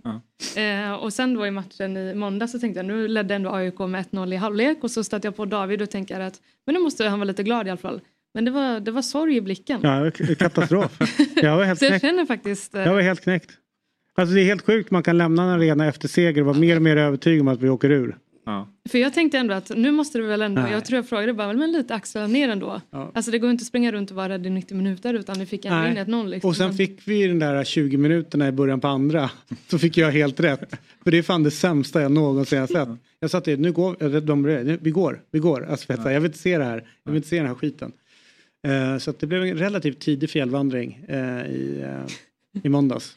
Men eh, det är inte kul när det är på det sättet. Alltså, Nej, men det är bara, blir bara ångest. Nej, men det är bara ångest och det är bara jobbigt. Det är som jag satt och kollade på Bournemouth-Chelsea, det var ju bara tragiskt. Alltså jag, jag mådde bara dåligt eh, liksom genom hela matchen. Det fanns ingen glädje alls. Och, och det gör ju att när det går så tungt för alla ens lag, eller mina lag, då blir det nästan tråkigt att kolla på fotboll rent generellt. Mm. Alltså jag blir Ja, nästan det. upprörd över att någon annan eh, får sitta och jubla för att ett lag Mm. går bra. Att jag inte får göra det. Så då så det är inne i en ganska... Alltså sitter och kollar motvilligt och är lite upprörd. Exakt. Och så har du Sverige. Missar EM första gången typ någonsin. Men damerna tog brons. Ja. Mm. Damerna tog brons, Ja. lever man på. ja. Så att när de säger att det går Ja. tungt nu, Ja. bronsmedalj Australien. Vilket år! Vilket idrottsår Ja, för David ja, Fjäll. ja, ja. David får maxa firandet för det bronset hela året Ja, ja, det är som Det guld. var så. Ja. Och lite, eh, Det är som bronsbucket 94-vibbar varje, där. varje helg. Ja, sug på den visst. Om ni undrar var, det, var jag är någonstans så hittar ni mig i Rålis. Du känns ju allmänt som en person som väljer glädjen vanligtvis. Ja, ja, liksom. ja. Men inte när det är fotboll men, tyvärr. Eh, Du, eh, vad härligt vilken... Eh, först och främst vill jag säga vad skönt att vi tre satt samlade igen. Det har varit lite vingligt. Ja, det är det. Men vi redde ut det. Ja, men oftast är det ju Elsa som drar iväg. Så att jag Ja. ska inte hänga dig Nej. för den här grejen. Och härligt att Myggan är här. Kul. Har vi en Costco i oss i veckan eller? Ja, kanske det. Dags att fylla på lagret. Mm, Det är vår grej. Ja. Har ni varit på Storhandla. Costco någon gång? Nej, ja. Inte i, inte i Sverige, men eh, ja. Jag svängt Vad ska man förbi. säga? Costco? Jag tror liksom du... T men inte så tydligt. Du bara jobba på igenom. Costco. Costco, ja exakt. Ja, Costco. Mm. Costco. Har du varit på det någon gång? Nej. Det är ju fullständigt briljant ställe. Ligger eh, i eh, Stockholms utkanter. Mhm. Eh, man löser ett medlemskap för 500 spänn. Och sen får man gå in och handla. Och de har bara obscent stora förpackningar och ganska billigt. Är det 500 spänn om året eller 500 Ja. spänn? Ja. Jävlar vad bra. Ja. Och, eh, men ganska mycket kvalitet för oss. Ja, de har ju- det, ja, ja, det är ja, inte, det är mycket inte, gal, det är inte kvalitetsgrejer. galne Gunnar. Du sa precis att du bodde så litet så du inte kunde ha en, en, en stol och nu åker du till Costco och köper liksom eh, 40 flaskor cola åt gången. Ja, alltså jag bor ju granne med Peter Wettergren. Han är nästan aldrig hemma så att jag ställer in Du ställer in grejerna hos honom. Så det är, jag, har faktiskt Ja. ett förråd som han har Ja. som jag har börjat annektera grejer i. Han bara, där skorna känner jag inte. Nej, det är mina. De kan, de kan stå kvar där. Exakt, du säger det är lugnt. Ja. Det är lugnt att kasta kvar. Oroa dig inte över det. Nej, det är lugnt. Det, det finns plats för dina också. Men vi ni har lite flytta- grannmys där borta i Sibirien. Ja, vi har ju verkligen Ja. det. Det är ju verkligen eh, samma våningsplan. Så när man går ut så man kan bara springa in där. Eh, i, eh, jag, ibland när min, min tv är upptagen Mm. av eh, folk som tittar på annat så är det väldigt bra att ha Peter som granne. Han kollar fan på fotboll hela tiden. Och om man inte kollar hemma så är han på plats och kollar fotboll. Det är, alltså, det måste vara den som ser mest Är det så att du går och rycker i dörren Ja, och ja, kollar ja, ja, ja, det ja, på vi, nu. håller, vi håller på med annat. Det är David som är liksom Ja. eh, hans motsvarighet till grannen i Bäck. Ja, ja. Står på balkongen och Eller vad heter han i eh, Tjena mannen? Ja, Ove Sundberg. Ja, ja, Det ja, är ja. Du känner när det luktar mat liksom. Kringer bara, tjena mannen, är tvn på eller? Han bara, helvete. Jag hade en sån granne när jag var liten. Som hade som ordspråk att eh, man måste fylla på så man inte blir skrynklig. Ja, och jag lovar, han bra. kunde känna på liksom en kilometers avstånd om det luktade mat. Då kom man alltid och knackade på och skulle in och käka. Men det, Och sen när han var mätt så han bara, peta mig på magen. Gör som Göran, Exakt så. peta mig på magen. Nej, men du, är, du är ju Wettergrens eh, Cosmo Kramer. Är du. Ja, precis. Ja. Det och glad att du sa det och inte Newman. Ja. Nej, kanske... Nej, men du, kanske. du, du, du, du är inte Newman. Men du är lite domedagsprofet, tror jag. Som Kramer är. Ja. Alltså att du kommer in väldigt upprörd över någonting. Ja, Går- det kan jag göra. Går ner fort. Ja. Liksom. Ja. Ja, men absolut. Uh, har du sett det här? Ja, upprört som ett helvete. Och sen låg man tillbaka. Ja, ja, visst, det var inte värre än så. Mag, magkänsla som konstant. Kan inte hantera. Nej, jag gillar det. Vad är det för skor? Ja, det är mina. Jag Ja. lägger, lägger. Ja. Lägger dem där. Det, det kan ligga kvar. Ja, så är det. Eh, ni får gärna gå in och skaffa abonnemang hos dobb.tv och prenumerera på Fotbollsmorgon eh, på Youtube. Men på dobb.tv så finns en, eh, en eh, kod. Visst heter det kod om man skriver in? Ja, eh, och den heter Fotbollsmorgon. Och med den koden så får man två veckor gratis eh, tittning. På, Vilken grej. Ja. Superdeal. Det är en jävla superdeal. Eh, och då är det inte ens Black Week. Nej, oh, vågar inte du ens, den veckan? Vågar inte ens Då tänka, ger vi bort Ja. ab- abonnemang gratis. Bara komma och hämta. här utanför. Nätterblatt står ute på gatan och bara ge. Välkommen till Dobb, välkommen till Dobb, välkommen till Dobb. Titta gärna på eh, FPL. Ja. Är inte det i onsdag idag va? Det är onsdag Så idag. 08 fotboll som spelas in. Inför derbyt. Eh, inför derbyt Mm. på söndag. Det ska Eh, jag lyssna på. Ja, ska du gå på derbyt på söndag? Nej, för vi spelar i Mjällby samtidigt. Ah. Så jag ska åka bussen ner. Mitt fina favoritlag Mjällby. Är det så? Ja. Helt plötsligt har man börjat sitta och hålla på lag som man inte trodde, typ Brommapojkarna. Kom igen nu Brommapojkarna, jag bryr mig egentligen inte om er. Ja, härligt. Tusen tack för den här morgonen. Bra tack själv. snack. Tack, tack och tack för att ni tittade. Hej då! Fotbollsmorgon presenteras i samarbete med Oddset, betting online och i butik.